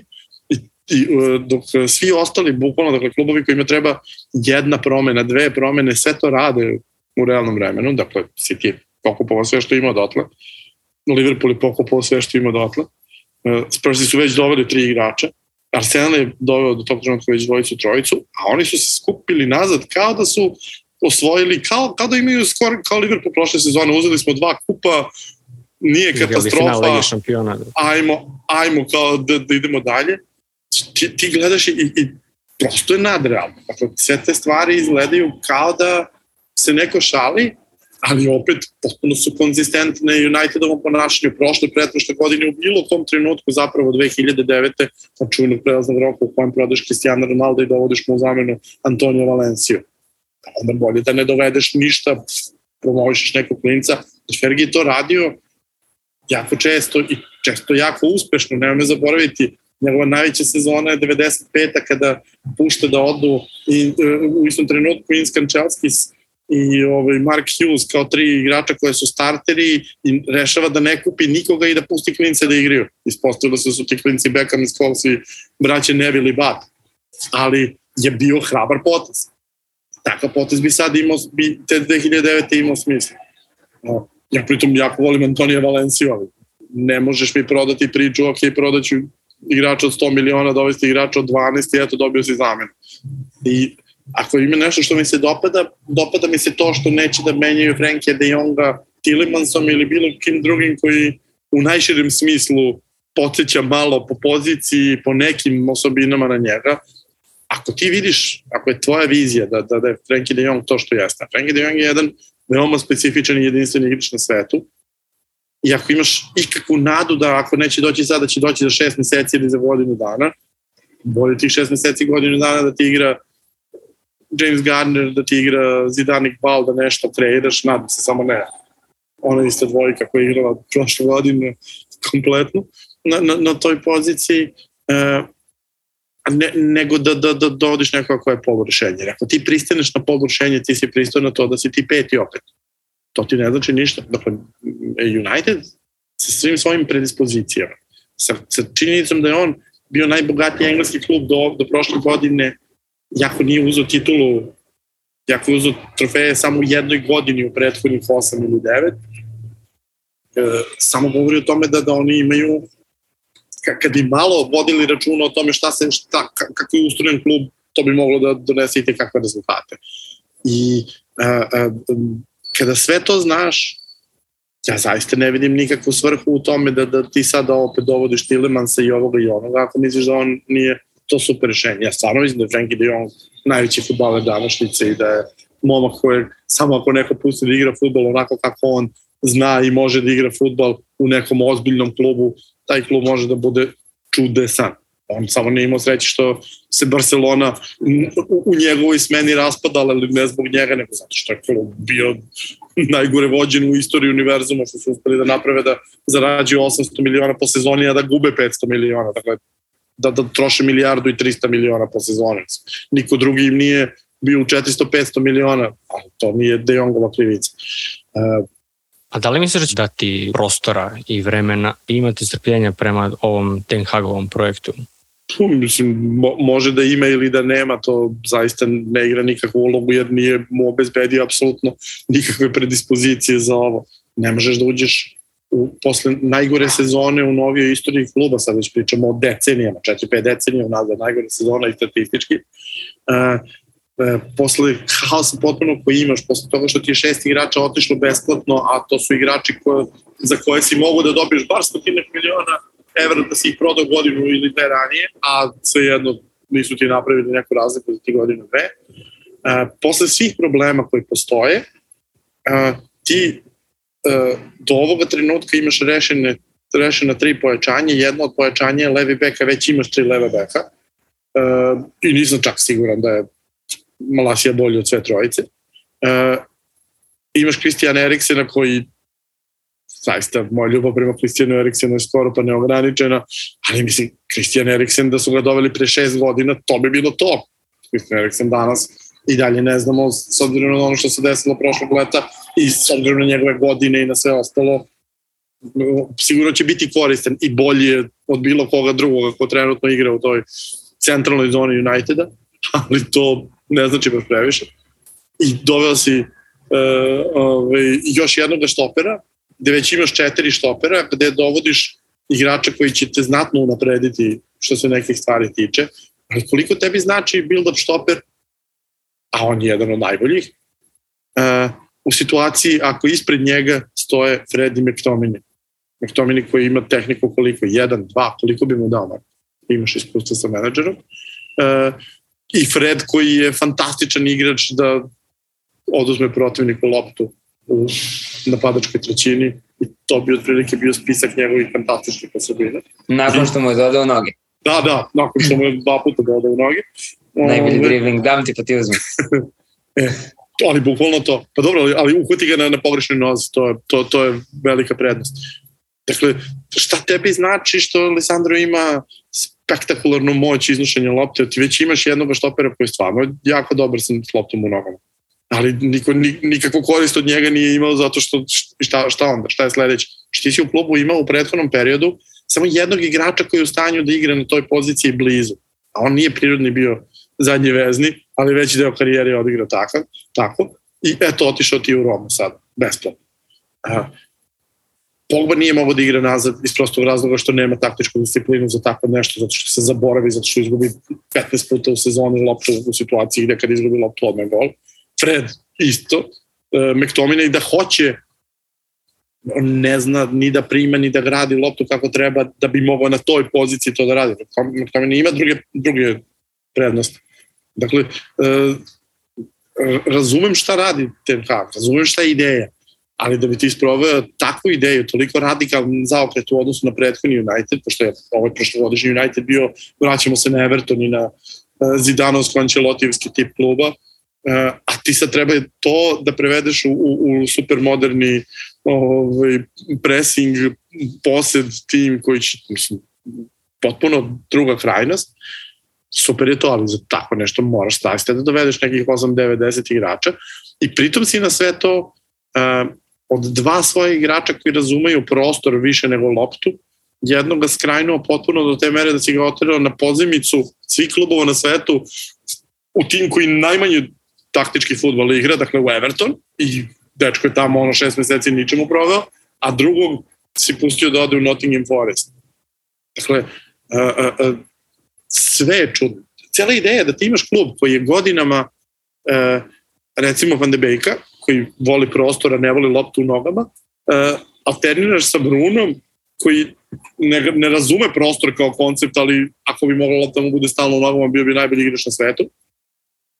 To, to je već suludo. Dakle, taj fundament, to fundamentalno nerazumevanje da ovaj i ovaj rade potpuno suprotne stvari i da možda mogu da budu zajedno na terenu, ali nikako da ne može jedan drugoga da zameni, i da ti to gledaš 2022. kada mogu da gledam utakmicu Lige Laosa i da se bavim analizom toga, to je meni fascinantno. U klubu koji ima 600, 700, 800 miliona po sezonu. Kako je moguće da niko? I onda, e, se, I onda su svi šokirani kada se promeni kompletna skautska mreža, mesec dana pred prelazi rok i niko se drugi ne angažuje za to vreme.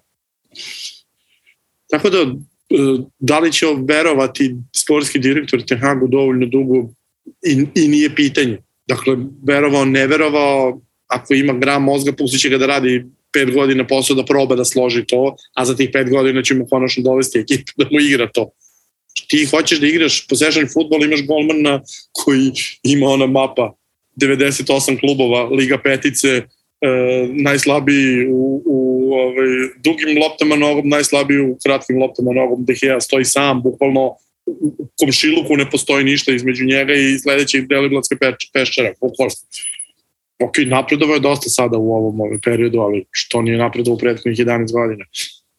Mnogo, mnogo, mnogo problema i onda na sve to dodaješ i super, i šta sa Ronaldom. Dakle, oni mogu da igraju one touch football, pokazali su to. Mogu da igraju jako brzo, mogu da budu fantastičan tim u tranziciji ali onda ubaciš Ronalda u celu priču i onda to ne postoji kao koncept.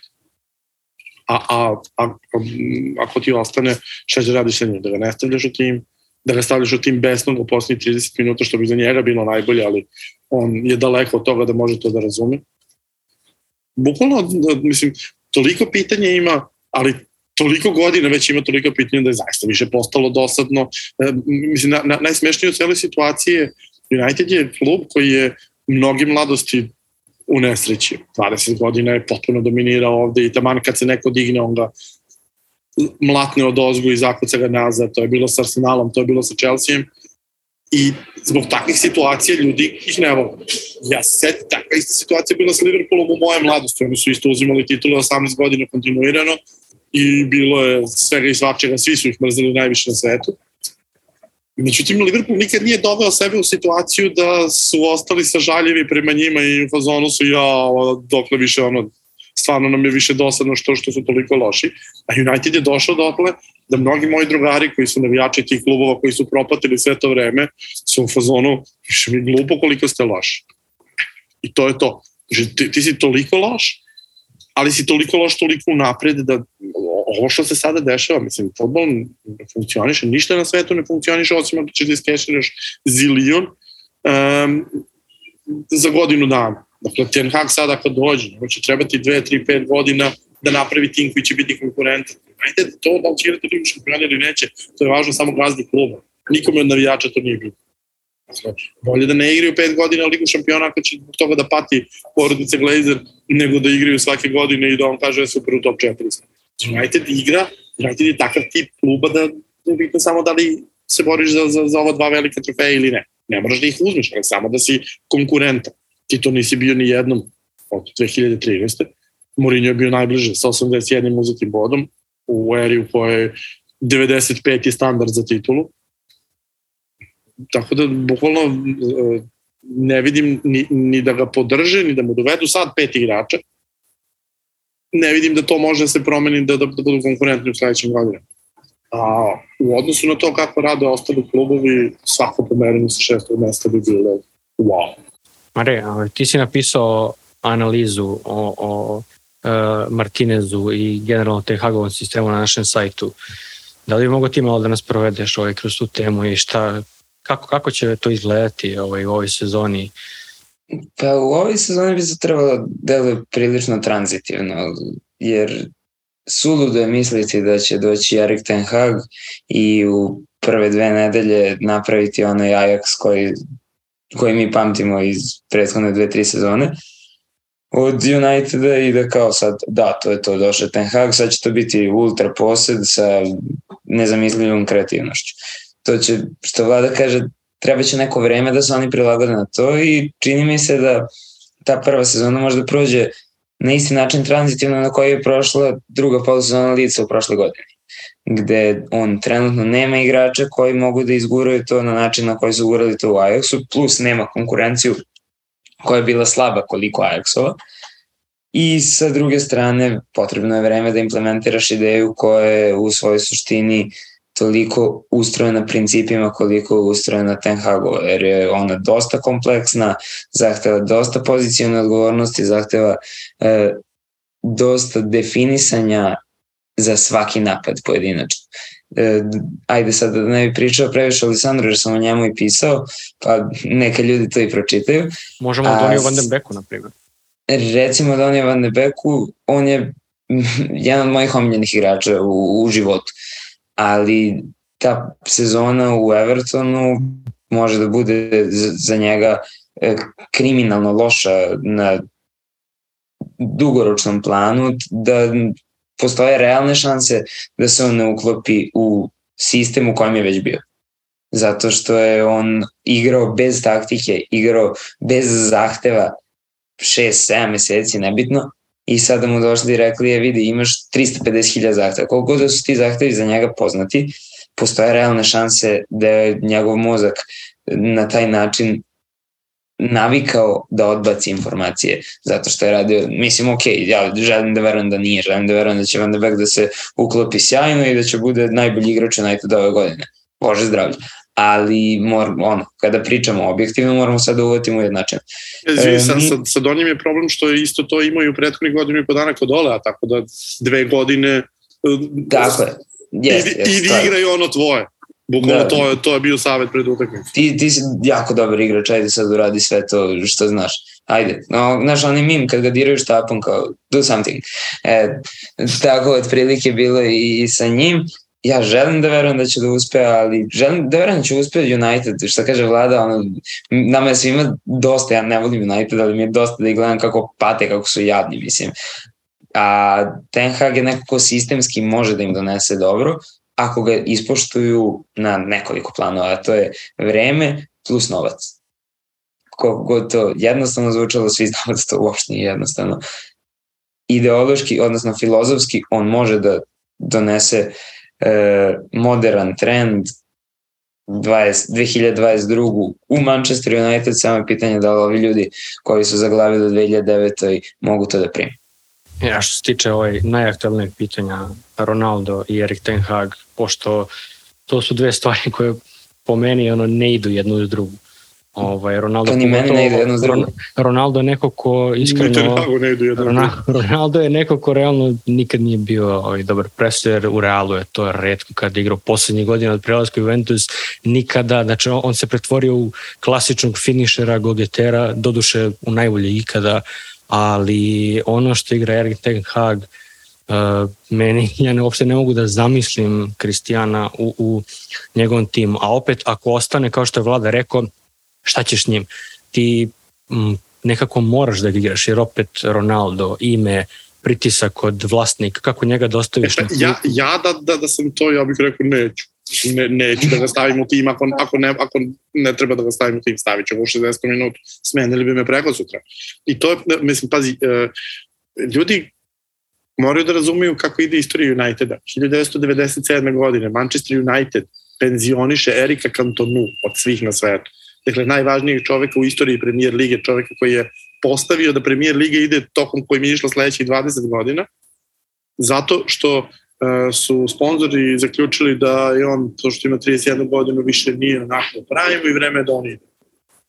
Pazi, to se ne dešava tako što je neko u uh, letu, u zimu te godine razmišljao o tome, pa su sad celi smislili koga će da dovedu, pa će da napraviti. Oni su doveli Tedija Sheringama koji je već prešao 30. godinu da ga menja kome je trebalo godinu i po dana da dođe sebi i koji je tek bukvalno sticajem srećnih okolnosti um, ušao u, u, u jole prihvatljivu formu, ispostavilo se u jako dobru formu u poslednjih 20 dana sezone, ispostavilo se MVP finala kupa i strelac gola u, u finalu Lige šampiona i eto, direktno je doprinio i tek je u trećoj sezoni stvarno zaigrao.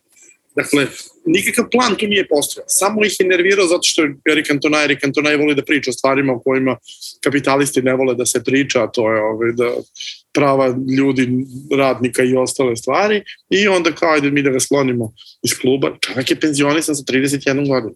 1997. godine.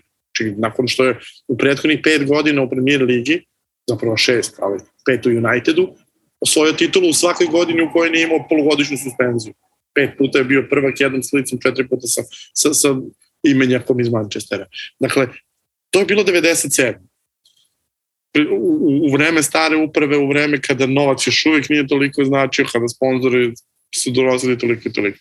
Se kako izgleda 2022. godine sa porodicom Glazer koja futbol apsolutno ne zanima, United kao koncept ih uopšte ne zanima, mrzi ih da dođu da gledaju utakmice, nakamali nešto drugo ovaj čovjek koji je kupio klub do svoje smrti nikad se nije pojavio na Old Trafford. O tome pričamo. Dakle, onoga trenutka kada sponzori budu tražili Ronaldo u timu, Ronaldo će biti u timu. Možda Ten Hag ode ko sve vremeno Dušan Bajević sa, u 70. minutu se pokupi i ode sa klupe. Možda.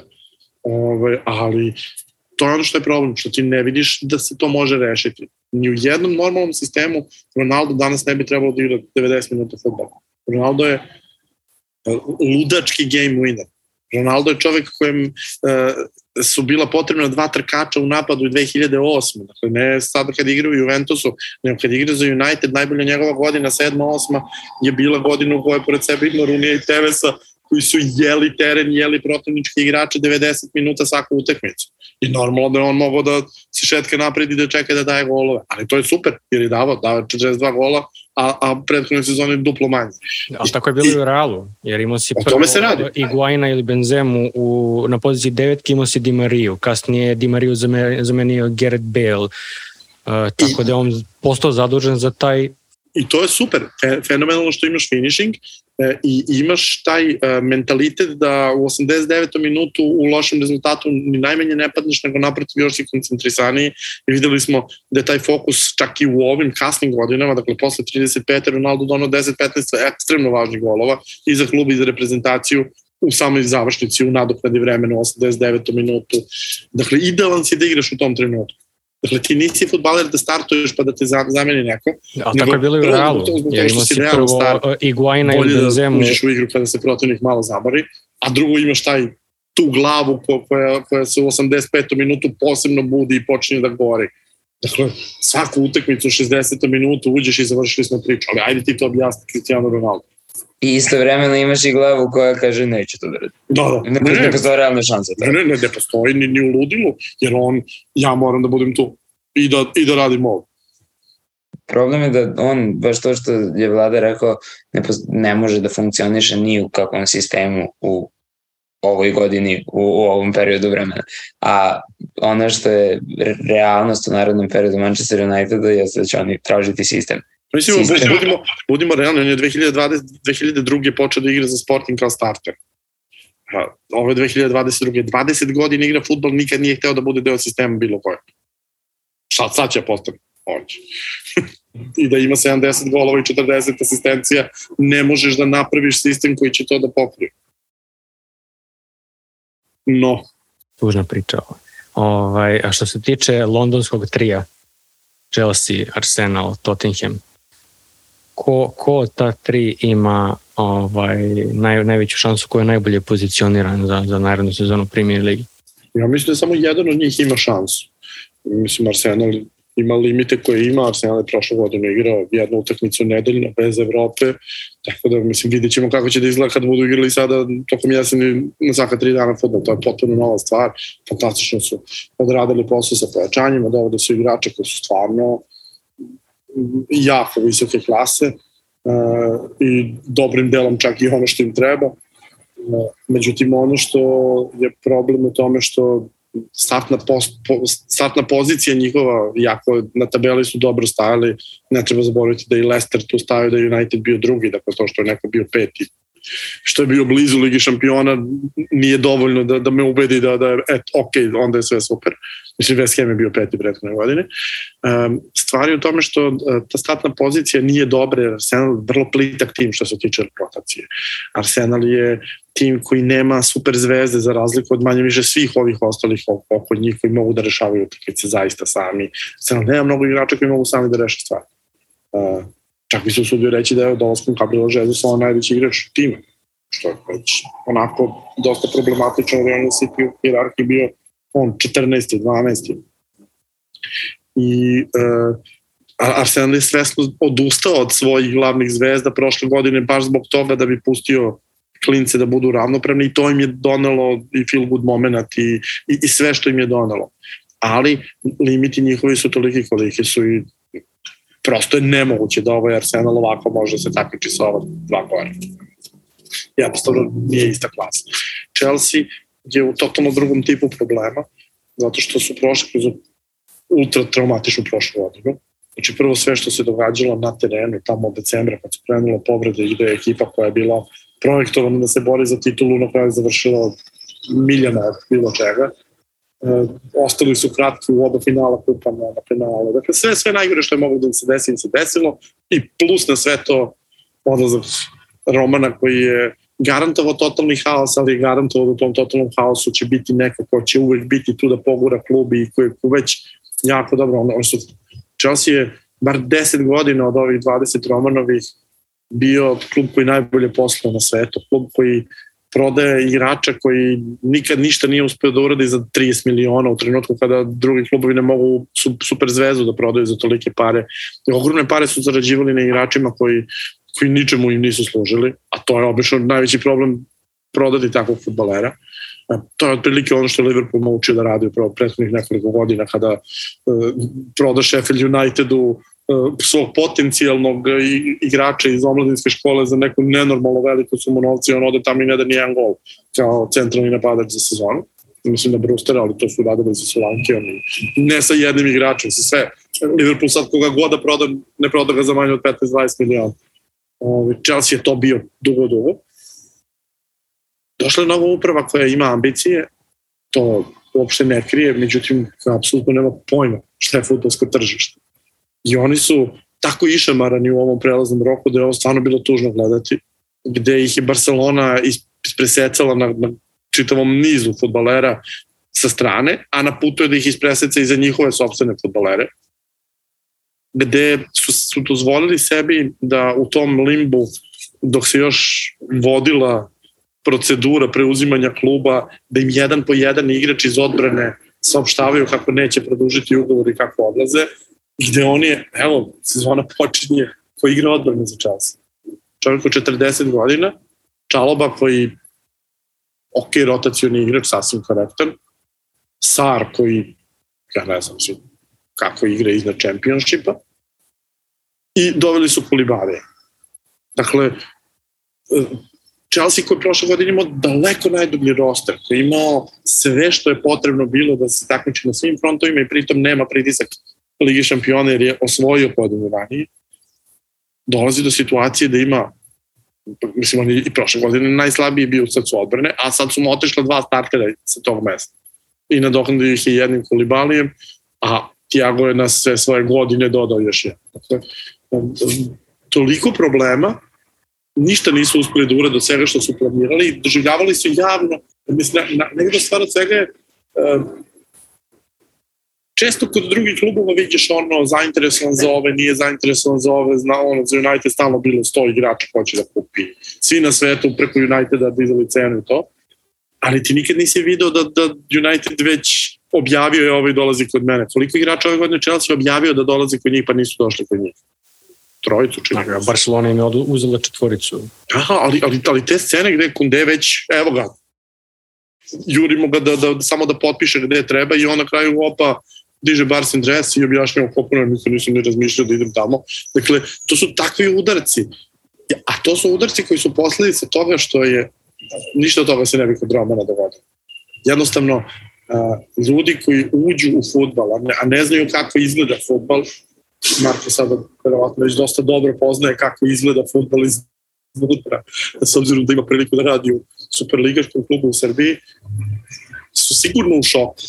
Jer, jer ustrojstvo futbalske igre, ustrojstvo futbalskog tržišta je nešto stvarno nenormalno. Ti ne možeš da poveruješ da ti imaš sport koji vredi 50 milijardi godišnje, da imaš ligu koja vredi četvrtinu od tih 50 milijardi, a da imaš gomilu klubova gde je potpuno, potpuno divljina, potpuno haos. Sve Everton već sam po sebi, United nadrealan. Znači, nije, nije to da je jedan klub tako, ne sjen koji je to povodio 15 igrača, 16, 17 u prelaznom roku, jedne godine 19. Uh, takve stvari se dešavaju non stop. I oni su došli na takvo tržište gde, verovatno su ljudi podrazumevali, ok, mi smo se dogovorili sa ovim moće da dođe, a ovo me agent je super, Chelsea nam je ponudio ovo, Barcelona koliko nam nudiš ti tako funkcioniše futbol. I oni su dobili baš onako ozbiljnu školu i iz te ozbiljne škole vidjet ćemo kako će da izađu. E, interesantno rešenje su ponudili u napadu, videli smo da su pokušavali sa centralnim napadačima, da su sada rešili da idu na krilo. Ove, I dalje imaju gomilu igrača koji možda nisu taj nivo, a nisam siguran koliko će biti potrebno ove godine zbog rotacije, ali videli smo prošle godine da kada dobiju šansu da nisu baš u stanju da iznesu. Mislim tu na Pulišića, na Ziješa, na gomili još futbolera koji to, to nije to. Rekao već Tiago Silva u godinama, Kante za ono što je potrebno da radi takođe u godinama. Mnogo, mnogo znakova pitanja i to što sam ih vidio prošle godine kao Eagles, a ove dve ove godine nije uludilo to. Tako da od ta tri londonska tima samo Spurs. Marija, što se tiče ovaj taktičke postave Antonija Conte, pogotovo sa svim ovim novo pridošlim igračima, sa Bustumom, sa Richarlisonom, kako bi to trebalo da izgleda ovaj, ove sezone? To bi trebalo da izgleda najočekivanije konteovski ikada. Mislim, meni sve ovo što su radili deluje kao sve ono što je Conte do sada i radio u životu. Ja ću da igram sa tri nazad, ja ću da igram sa dvojicom po boku, ja ću da stavim trojicu skroz gore, ta neka dva vezna koja će tu da, da mi trče između dva 16 terca i to je to. I čini mi se da je ovo sezona kada koliko god ja verujem stvarno da niko od njih nije ni blizu City-a i Liverpoola, jedino oni mogu bar da ih nateraju da, da kašlju u tom direktnom duelu kada igraju jednim protiv drugih. Jedini Conte može svojim iako očekivanim taktičkim zamislima na neki način da ugrozi Klopa i, i Guardiola. Da, pa vi kad pogledaš prethodnu sezonu, ovaj, Tottenham je dobio City u oba meča, a sa Liverpoolom su oba završena nerešeno, ako se dobro sećam. Da. Tako da zna da im uzme skalp. Zna i ok, prilagođava se i Conte sada malo vremenu u ovom i, i najmodernijim trendovima gde pokušava malo da širi teren za svoje brze igrače, gde pokušava da pozove pritisak na svoju polovinu uz ozbiljnu činjenicu da Liverpool ima veliki problem protiv ekipa koji igraju sa tri nazad, zato što su prostori koje oni nužno napadaju popunjeni nekim ljudima, neki čovek stoji tu i ne da ti da prođeš, što Conte samo po sebi ide u prilog jer on sve što je uradio dobro u svojoj karijeri radio sa tri nazad i sve svoje taktičke zamisle čini mi se da ni ne prilagođava nekim drugim formacijama, nego je e, njegov osnovni princip njegova formacija. I iz tog te njegove osnovne formativne strukture, on stvara sve što će se kasnije dešavati. Sada je došao u situaciju da ima igrača koji je klase kakvog verovatno nikada i nije imao u, u Kane-u, pa je na neki način morao da se prilagodi onome što je Kane-ov izlazni proizvod i onome što je Kane sam po sebi kao atipičan napadač koji voli da igra i kao vezni, i kao špic, i kao mislim ne kao krilo, ali kao neko ko se e, spušta u najrazličitije zone terena i onda je baš na to dodao Sona koji svi znamo šta je Son, i dodao Richarlisona koji je isto što i Son samo za, za klasu niže. I dobio je dva igrača koji će da napadaju prostor uz Kuluševskog koji je kontra od onoga što je Son. A što se tiče uloge Ivana Perišića, jer to je za mene bio jedan dosta interesantan transfer. Pa meni je to bio onako jako očekivan transfer. E, to je nekako bi rekao, možda će glupo zvučati, ali kao neki konta mali od palube koji tačno zna šta treba da uradi u sistemu kod Antonija Konta i koji se najbolje snalazi na toj poziciji koja je kontu toliko značajna. I Perišić je očekivano, mislim, nešto što je moralo da se desi, možda ne kroz Perišića, ali kroz nekog igrača sličnog profila, ali Periš, jednostavno, ako imaš Perišića na tržištu, onda uzmeš Perišića i kažeš to je to, uopšte ne moram više da razmišljam o poziciji levog spoljnog ili desnog spoljnog, čak ako ti nekada zafali na desnoj strani. Vlada, se ti slažeš? ekstremni fan Ivana Perišića uvek bio i zaista mi je žao što je sve ove godine proveo u svim ligama, samo ne u premier ligi, toliko puta je bila priča da će doći ovaj, i evo, sada dolazi ok u godinama, ali ne verujem da će to biti problem, pogotovo činjenice da uh, ima uh, iza sebe mnogo mlađih futbalera koji je konačno počeo malo da igra futbol kako se očekivao od njega u mlađim danima, mislim da se senjona i da neće biti prinuđen da igra baš non stop, dakle postoji nekakav prostor za rotaciju.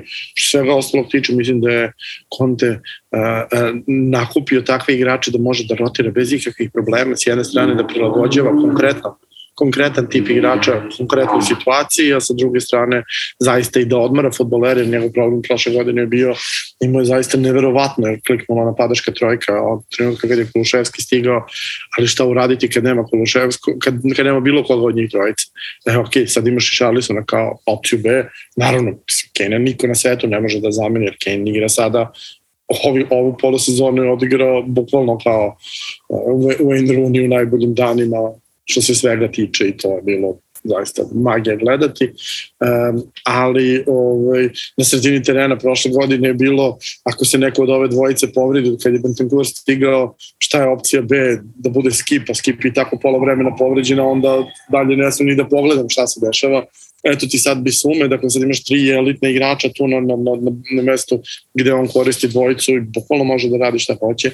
Ove, ovaj, ono što njima najtanje po prirodi to je odbrana, ne mislim da je Lengle baš kvalitet za, za napadanje titule šampiona premier lige, a e, u velikoj meri nisu ni ovi koji su bili pre toga, ali ono što je činjenica to je sada su i tu dobili neki nivo rotacije, više ne mora da zavisi od uh, kolumbijske superzvezde koja ima IQ, ja ne znam, 14 verovatno i, i to je ono što, što je do sada bio veliki problem. Dakle, opet imaš, on, je koristio onu trojicu koje je zaista mnogo. Dakle, kad je Romero to kliknuo, um, mogli su da, da, da igraju sa tom trojicom koju imaju, dakle sa Davisom i Dajerom, ali oni nisu igrači tog nivoa. Sad bar ima nekakva rotacija, sada može i tu nešto da se radi. Tako da generalno mislim da je ogroman napredak napravljen u na prošlu sezonu, a ne treba zaboraviti, one su imali Tajano Slipe Azarov koji je bio nenormalno dobar, i e, ekipa je zaista izgledala u drugoj, drugoj polsezoni neverovatno. I sad ono što je meni tu najviše interesantno, zapravo i nije ono što je Mari rekao na početku, a to je ko može da igra s njima jedan na jedan. Smo on je mogu da igra s njima jedan na jedan i prošle godine. Uh, ono što je problem to je ko, da li neko može da skupi 90 bodova. To je ključno pitanje premijer ligi. Jer City uvijek može da skupi 90 bodova, Liverpool u većini sezona može da skupi 90 bodova, sada u posljednjih 5 godina. Da li neko još može? I meni se čini da oni mogu. To je ono što je razlika. Dakle, ja... Mene zanima vaše mišljenje, ovaj, Mare, ajde prvo da čujemo tebe što se tiče City-a i Halanda. Ovaj, kako, kako će to izgledati? Mislim, ono, City i Liverpool opet rizikujem da kažem nešto što su već svi rekli milion puta, uvek igraju šah. I to je, da, makar bio Community Shield, makar bila prijateljska utakmica ili final Lige šampiona, to će biti ekstremno promišljen svaki potez svakog tre, obojica trenera. City je sa Haalandom dobio još jednu nijansu u svojoj igri, gde smo mi sad na ovoj utakmici ne eksplicitno, ali mogli da vidimo kako oni čak odstupaju od onih nekih inicijalnih principa da sve mora kroz neki kratak pas, sve mora kroz postepen prenos igre kroz zone i nekoliko puta preneli igru kroz Haalanda, pa ok, počet ćemo našu organizaciju negde više na terenu vidi se da to još nije jasno uigrano i vidi se da to nije nešto što je kao je sad i izveđeno iz knjige uradili smo ovo tačno kako znamo da uradimo, ali postoje realne šanse da će to biti neki njihov plan C ili D ili sam Bog zna koliko Guardiola ima planova, ali kojim će pokušati da iznenade sve svoje protivnike kada situacija ne ide kako oni hoće ili kada oni baš na taj način žele da igraju.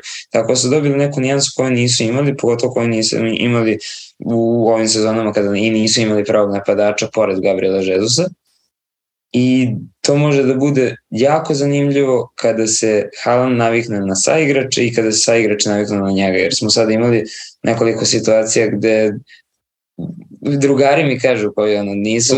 Sva, svađali su se na terenu, da, mahali da, rukama ma, mašu rukama, sudaraju se na istom mestu, e, ne očekuju jednake kretnje jedan od drugoga, ne očekuju pasove na isti način i kada to tek klikne kroz ono ljudsku stvar navike, to će biti verovatno, bar iz mog ugla, veoma, veoma dobro.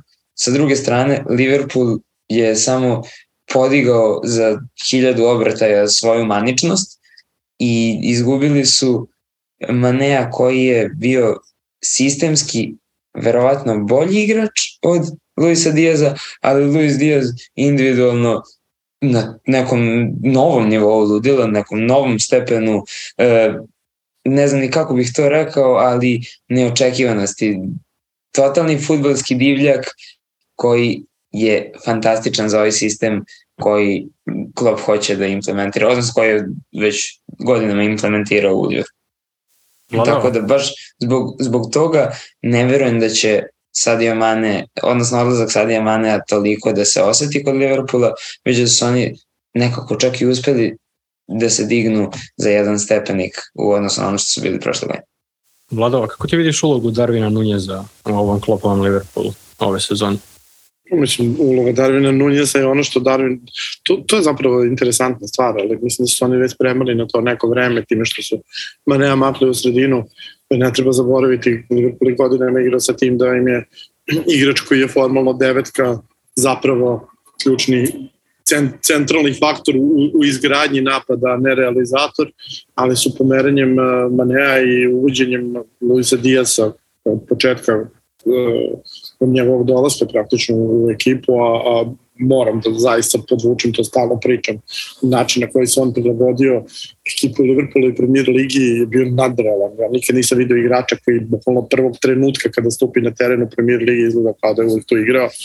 Ovaj, uh, mislim da se Liverpool spremao za to. Ali ono što je meni tu, mislim, krenula je sada već čitava ta priča poređenje Holanda i Nunjasa. Uopšte se ne radi o istom uh, ne, ne tipu, nego e, nivou igrača, jer Holland je doveden da bude game changer, a Nunez je doveden da bude deo e, klopovog sistema. I e, Liverpool je u ovu e, u neminovnu promenu i to je stvar o kojoj stalno pričamo. Liverpool je kada je sastavljen, kada je Edwards počeo da dovodi igrače za, za, za flopa, počeo da ih dovodi tako da manje više svi osim Trenta su u istom trenutku u piku bili, dakle svi su imali između 24 i 28 godina i svi su zajedno prolazili kroz uh, svoje najbolje godine i sada je dobar deo tih igrača već prošao pik. I bilo je neminovno da se desi to što, što je krenulo da se dešava, to je da se napadačka trojka menja i ako se već menja ta napadačka trojka, uvijek bi prvo bilo, bilo da menja Manea i Liverpool je krenuo da dovodi igrače na ta mesta još kada je Žota stigao, to je već dva leta nazad. Onda je doveo Diasa, onda je doveo Davida Nunesa. Do situacije gde ti znaš koja su njihova napadačka trojica, a onda će ući Starić ili Divo Korigi i nešto uraditi i dati gol, ti sada dovodiš sebe u situaciju da imaš pet ozbiljnih rešenja u napadu. Da a, imaš jedno 11 načina na koji možeš da napadaš. E, dosta se pričalo u prošle sezone kako, ok, došao je Žota, je, sad kad je došlo Luis Diaz, sad je kraj Firmina, međutim Firmino je pokazao finišu sezone koliko je ekstremno bitan igrač i koliko i dalje apsolutno može da radi ono što je radio, a pritom je zbog svog mentaliteta čovek koji je apsolutno u stanju da sedi 72 minuta na klupi da onda dođe da preokrene stvar. E, I s te strane se apsolutno slažem da mislim da je Liverpool sada bolji nego što je bio. E, ne nužno zbog Nunjesa, nego zato što sada već postoji jasna ideja da, da e, gde, gde se Liverpool razvija u odnosu na ove. U jednom trenutku je zaista izgledalo tačno tamo oko osvajanja titula i odmah posle toga kao da su se zadovoljili i kao da je to bilo to i da sad nemaju ideju šta je sledeći korak. Još neke stvari u rukovodstvu su se promenile koje su nagoveštavale da, da, da će možda biti u problemu. Međutim, sada se to već već jasno vidi sa svim ovim stvarima, sa svim ovim promenama koje se dogodile dovođenjem Dijasa i dovođenjem Nunjesa, ali zaista i sa ovim, faktorima da se radi o dvojici južnoameričkih igrača, dakle vrlo specifičnih mentalitetom. Tačno se vidi da, da, da je to nova stvar koju će Klopp razvijeti, jer ja, rekao bih da je Klopp već jedno tri iteracije izgurao u ekipi Liverpoola što se, što se sistema igre tiče.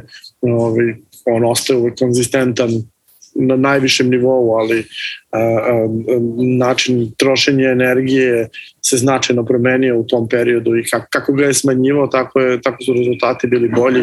E, čini se da je sad krenuo u suprotnu stranu opet sa novim talasom mladih igrača, pošto valjda i on shvatao da, da, da ima 30-godišnjake, ali sada ih više nema, sada to dolazi nova generacija i sa Konateom nazad, pored Trenta koji je jel te, već, već bio mlad, mislim da ovo sad opet ekipa de, deluje kao da može da, da, da vrati se taj korak uh, korak ka ubrzanijem futbolu, ali su pritom kvalitativno znatno ispred onoga prethodnog Liverpoola koji je igrao tako, a to je ono vreme tačno kada su sklapali poslednje kockice, kad su Van Dijk i Alisson dolazili tek u ekipu i Salah relativno nedavno pre toga. Ove, ovaj, čini, čini mi se da, da, da, da su sada otprilike jako blizu toga da budu ekipa iz snova Klopovih i mislim da će biti ekipa iz Klopovih snova sledećeg leta kad i Bellingham bude došao i kad budu kompletirali tu trojku, kad Tiago, Fabinho i Bellingham budu na sredini, mislim da će to biti onako tačno sve što je Klop uvek sanjao kako će da izgleda ekipa i to će biti čudesan tim. E sad što se City-a tiče, uh, ovo što je Pep uradio sada, Pep nikad nije uradio. Pep je tri godine bio u Bayernu, četiri godine u Barceloni, uh, već je najduže u jednom klubu ikada. Uh, on je radio rezove, ali radio rezove sa tuđim timovima. Dakle, slao je igrače koji nisu njegovi. Nikada nije napravio veliki rez u jednoj sezoni, u jednom prelaznom roku. Nikada nije uradio ono što smo pričali, dakle, generalno postoji to. To podrazumeva se da, da zbog, zbog toga kak, kakav, je, kakav je ljudski mozak, da na svake tri godine moraš da sežavaš tim da bi mogao nešto da, da, da, da bi mogao da kontinuirano da imaš uspehe i nije Ferguson džabe prodavao često svoje najbolje igrače e, možda ne uvek najbolje, najbolje, ali e, na svakih nekoliko godina vidiš da neko jako bitan odlazi iz tima zato što e, je, je potrebno imati novi izazov. otišla su u istom trenutku trojica futbolera koji su realno, plus Fernandinho kao očinska figura u slačionici. Dakle, četiri bitne igrača su im otišli odjedno. To se City nikad, to se Pepu nikad nije dogodilo. I ovo će biti jako interesantna stvar, zato što umesto njih došla su trojice igrača koji su potpuno drugačiji od svega što su imali dotle. Jer i sa Calvinom Phillipsom ti dobiješ igrača koji, koji je tip kakvog nikad ranije nisu imali, a dobiješ i jednu mogućnost i vrlo interesantnu, a to je da igraš stvarni dupli pivot. Za razliku od ovoga što su do sada radili, to je uvlačenje bekova, da igraju kao drugog igrača tu na, na holderskoj poziciji, sada zaista može da igraš sa Rodrijem i Calvinom Phillipsom. Zamisli nivo kontrole koji bi u toj situaciji ostvari. Druga stvar koju su dobili, dobili su konačno napadača koji je onakav kakvog Pep želi. Jer je Pep u karijeri u Manchester City imao samo tu Naguera koga nije želeo i koji nije mogao da mu isporuči ono što on hoće, što Pep hoće. A opet je davao previše golova da možeš, slična priča ono, onoj priči sa Ronaldom, imaš ga u timu, moraš da ga koristiš, a, a, a ok, prilagodio se Kunda nekla, ali nikada bilo je jasno prvog trenutka do poslednjeg trenutka da, da to nije meč sad je dobio napadača kako hoće. Doveo je u Alvaresu još jednog napadača kakvog nije imao do sada. I sada imaš situaciju da a, zaista možeš fundamentalno da promeniš u jednoj godini način na koji igra Manchester City i da dodaješ to, malo pre je Marko rekao plan CD, plan C, plan D. Pepov najveći problem jeste bio što u bitnim utakmicama a, a, nema plan B, ili izmislim nešto što je potpuno suludo, e, stalno se priča o tome u završnicama Ligi šampiona protiv Liona, protiv ovih, protiv onih, kada izmisli nešto što potpuno nikada u životu nije igrao i to uvek propadne. A opet kada, kada im je potrebno tako malo, ne mogu ništa da smisle. Oni sada prvi put ikad valjda mogu da, da imaju i plan A, i plan B, i plan C, i plan D. Meni se naj, najviše dopalo, recimo, godinom unazad jedna od mojih omiljenih utakmica je bila ona uh, sa Liverpoolom od proletos kada je i Klopp, to je super kad imaš čovjeka kao Klopp koji nema problem da u izjavi direktno posle utakmice krene da se bavi tim stvarima. Kada je Klopp sa osmehom došao i smeškao se i komentarisao, nikad nisam vidio City da igra ovakav futbol, kada je Pep za njega spremio da igra Pepovsku, da, da, da, da igra klopovsku igru, a to je da sve vreme napada prostore, da ovaj, kad god e, Liverpoolovi bekovi odu gore, da šalje lopte tu i to je, čini mi se, uh, neka vrsta rudimentarnog pokušaja ovoga sada što što smo imali sa, sa, sa Erlingom Hollandom. Dakle, Pep više nije pokušava da, da, da više ne bude vezan za laganu izgradnju napada iz odbrane, nego je sada već prvo je probao to sa, sa gađanjem prostora, a sada sa, sa, sa Holanda, dakle, ubacuje nove stvari kompletno u svoj repertoar, a to nigde nije radio. Dakle, on jeste tuikovao svaku ekipu koju je imao, dakle, različito igra u Barceloni, različito u Bayern, različito u Cityu i različito u svakoj sezoni ovaj, u svakom od njih, ali nikada nije imao te fundamentalne iskorake, a sada ih ima. Dakle, tu njegovu osnovnu stvar, a to je fuego de pozicion, e, žrtvuje za, za, za neke stvari za koje misli da mogu da mu budu stvarni planovi B i C i to može da bude jako interesantno. Dakle, da mi ove godine vidimo i mnogo drugačiji Liverpool nego što je bio prethodne dve godine i mnogo drugačiji City nego što je bio prethodne dve godine. To, to je ono što, što, što mi daje novi uh, ukus premier ligi i to je ono što mi se najviše zapravo dopada oko njih. Um, za City nemam utisak da je jači nego što je bio, iz prostog razloga što um, nisam siguran ko je domen Calvina Philipsa, niti kako mu je zdravstveno stanje, a uh, za ovu dvojicu znamo da su klinci. Koliko god da je Holland super u glavi, zaista i zreo i zdrav i sve kako treba, uh, i oni Alvarez su, su još uvek mnogo mladi uh, i mislim da će City trebati neko vreme da odradi tu tranziciju i ono čega se tu najviše bojim to je da se nikad neće dogoditi trenutak da Poland bude u onako u naponu snage, a da, da, da Kevin De Bruyne takođe još uvek bude u naponu snage, sad da i on čovjek ima ove godine puni 30, a to bih jako volao da vidim kako izgleda, da su i jedan i drugi u naponu, jer mi se čini da je uh, od kako je Kevin ostao kao nesumnjiva super zvezda tima, jer su jedan po jedan odlazili, uh, ovo bila prilika da imaš dve super zvezde odjednom na, na terenu. Jer to nije Pepov sistem, Pep voli da ima majstora, ne pravi zvezde od njih, ali Holland je prirodna zvezda. On bio je zvezda sa, sa 17 godina. I, i, i tu je samo bitno to, kao da li može da, da, da kao zvezda bude na zemlji, on veoma može da bude na zemlji. Sve, sve je suprotno od onoga što, što kakve su neke druge zvezde o kojima smo pričali. Mislim da, da će biti fascinantno gledati uh, na svim frontovima kako će da funkcioniše oni jedni i drugi, ali kao što rekao, naj, najbitnija mi je stvar to što mislim da će jedni i drugi da budu bitno drugačiji kako izgledaju na terenu nego prošle godine. Mare, a što tiče transfera Sterlinga u Chelsea i možda tog da kažemo oslobađanja za, za Jacka Grealisha, kako, ovaj, kako misliš da će on ulogu imati u ovom timu City-a? Pa mislim da će Jack Grealish biti e, bolje upotrebljen ove godine i ovo što kaže vlada, taj odlazak Sterlinga jeste korak ka nekom novom prilagođavanju City-a onome što su zapravo ono, odnosno onome što Pep misli da će biti moderni trendovi u narodnih godinu ili dve dana. E, to neko neminovno odstupanje od fuego de poziciona ne mora se desi, ali se dešava zato što je Pep svestan šta rade njegovi rivali i čemu teže njegovi rivali i jedinim načinima na koje on može njih da iznenadi. A to su upravo ta napadanja prostora koje su tako karakteristična za Liverpool da se Klopp iznenadio kada je to video protiv sebe. Mm, tako da, ok, ti si izgubio igrača. Bukvalno izgledao kao, kao da je dobio rođendanski poklon jer kao, je super, ovo si uradio kao omaž meni na utakmici protiv mene, hvala ali sa druge strane, ok, dobio si da ti odlazi Sterling koji je napadao prostor, kojeg je Pep terao da napada prostor i njega ćeš menjati Grilišom koji ti neće nikada napadati prostor, ali možda će ti to otvoriti to da koristiš dupli pivot i da bolje kontrolišeš utakmicu.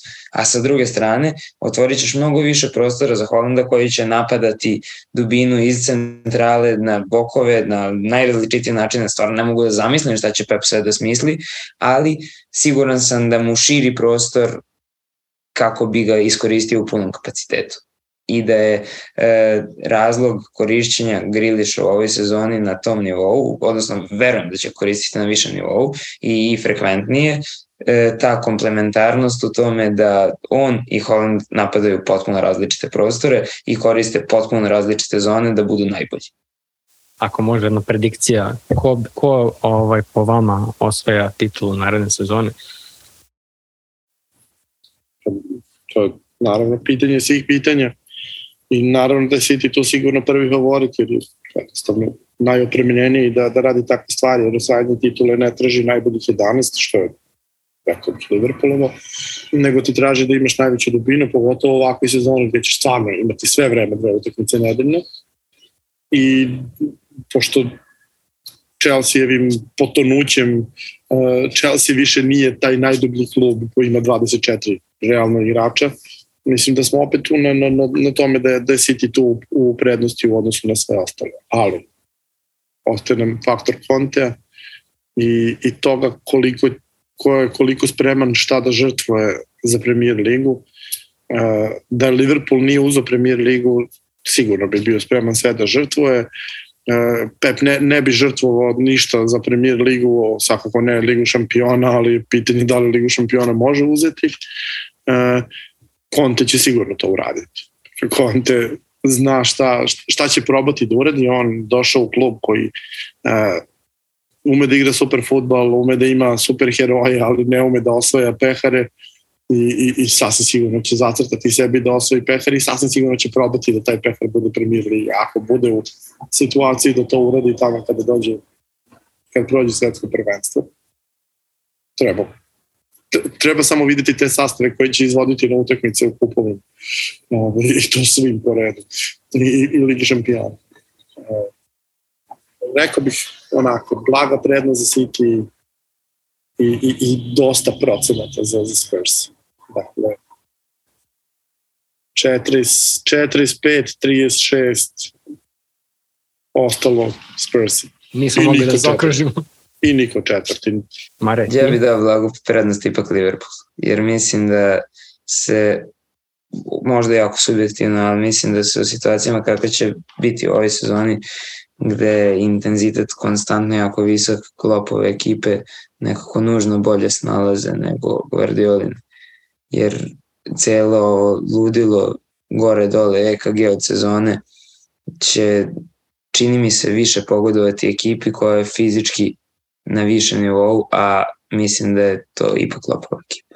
I opet bi bile nijansice, možda čak i, i manje nego što ih je vlada rekao, ne 45-35, nego možda u, u 45-40, a ovo ostalo ide Spursima, ali opet kažem, veoma subjektivno iz samo ovog razloga. Ne, ne, to je sasvim normalno.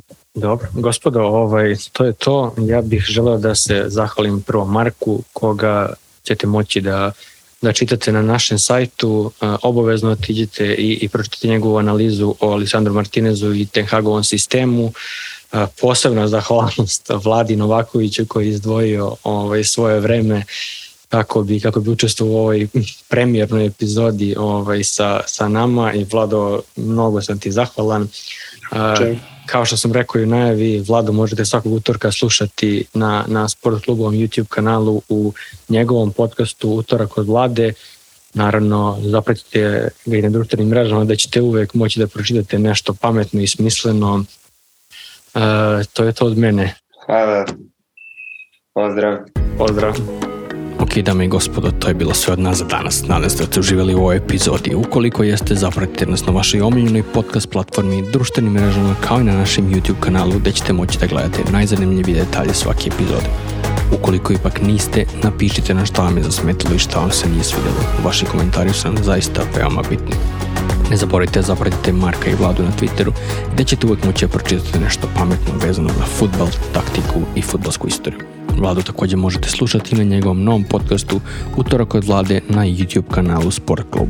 Mi se čujemo već naredne nedelje kada ćete moći da čujete razgovore o drugim sportskim aktualnostima. Do tada vam želim prijatan dan.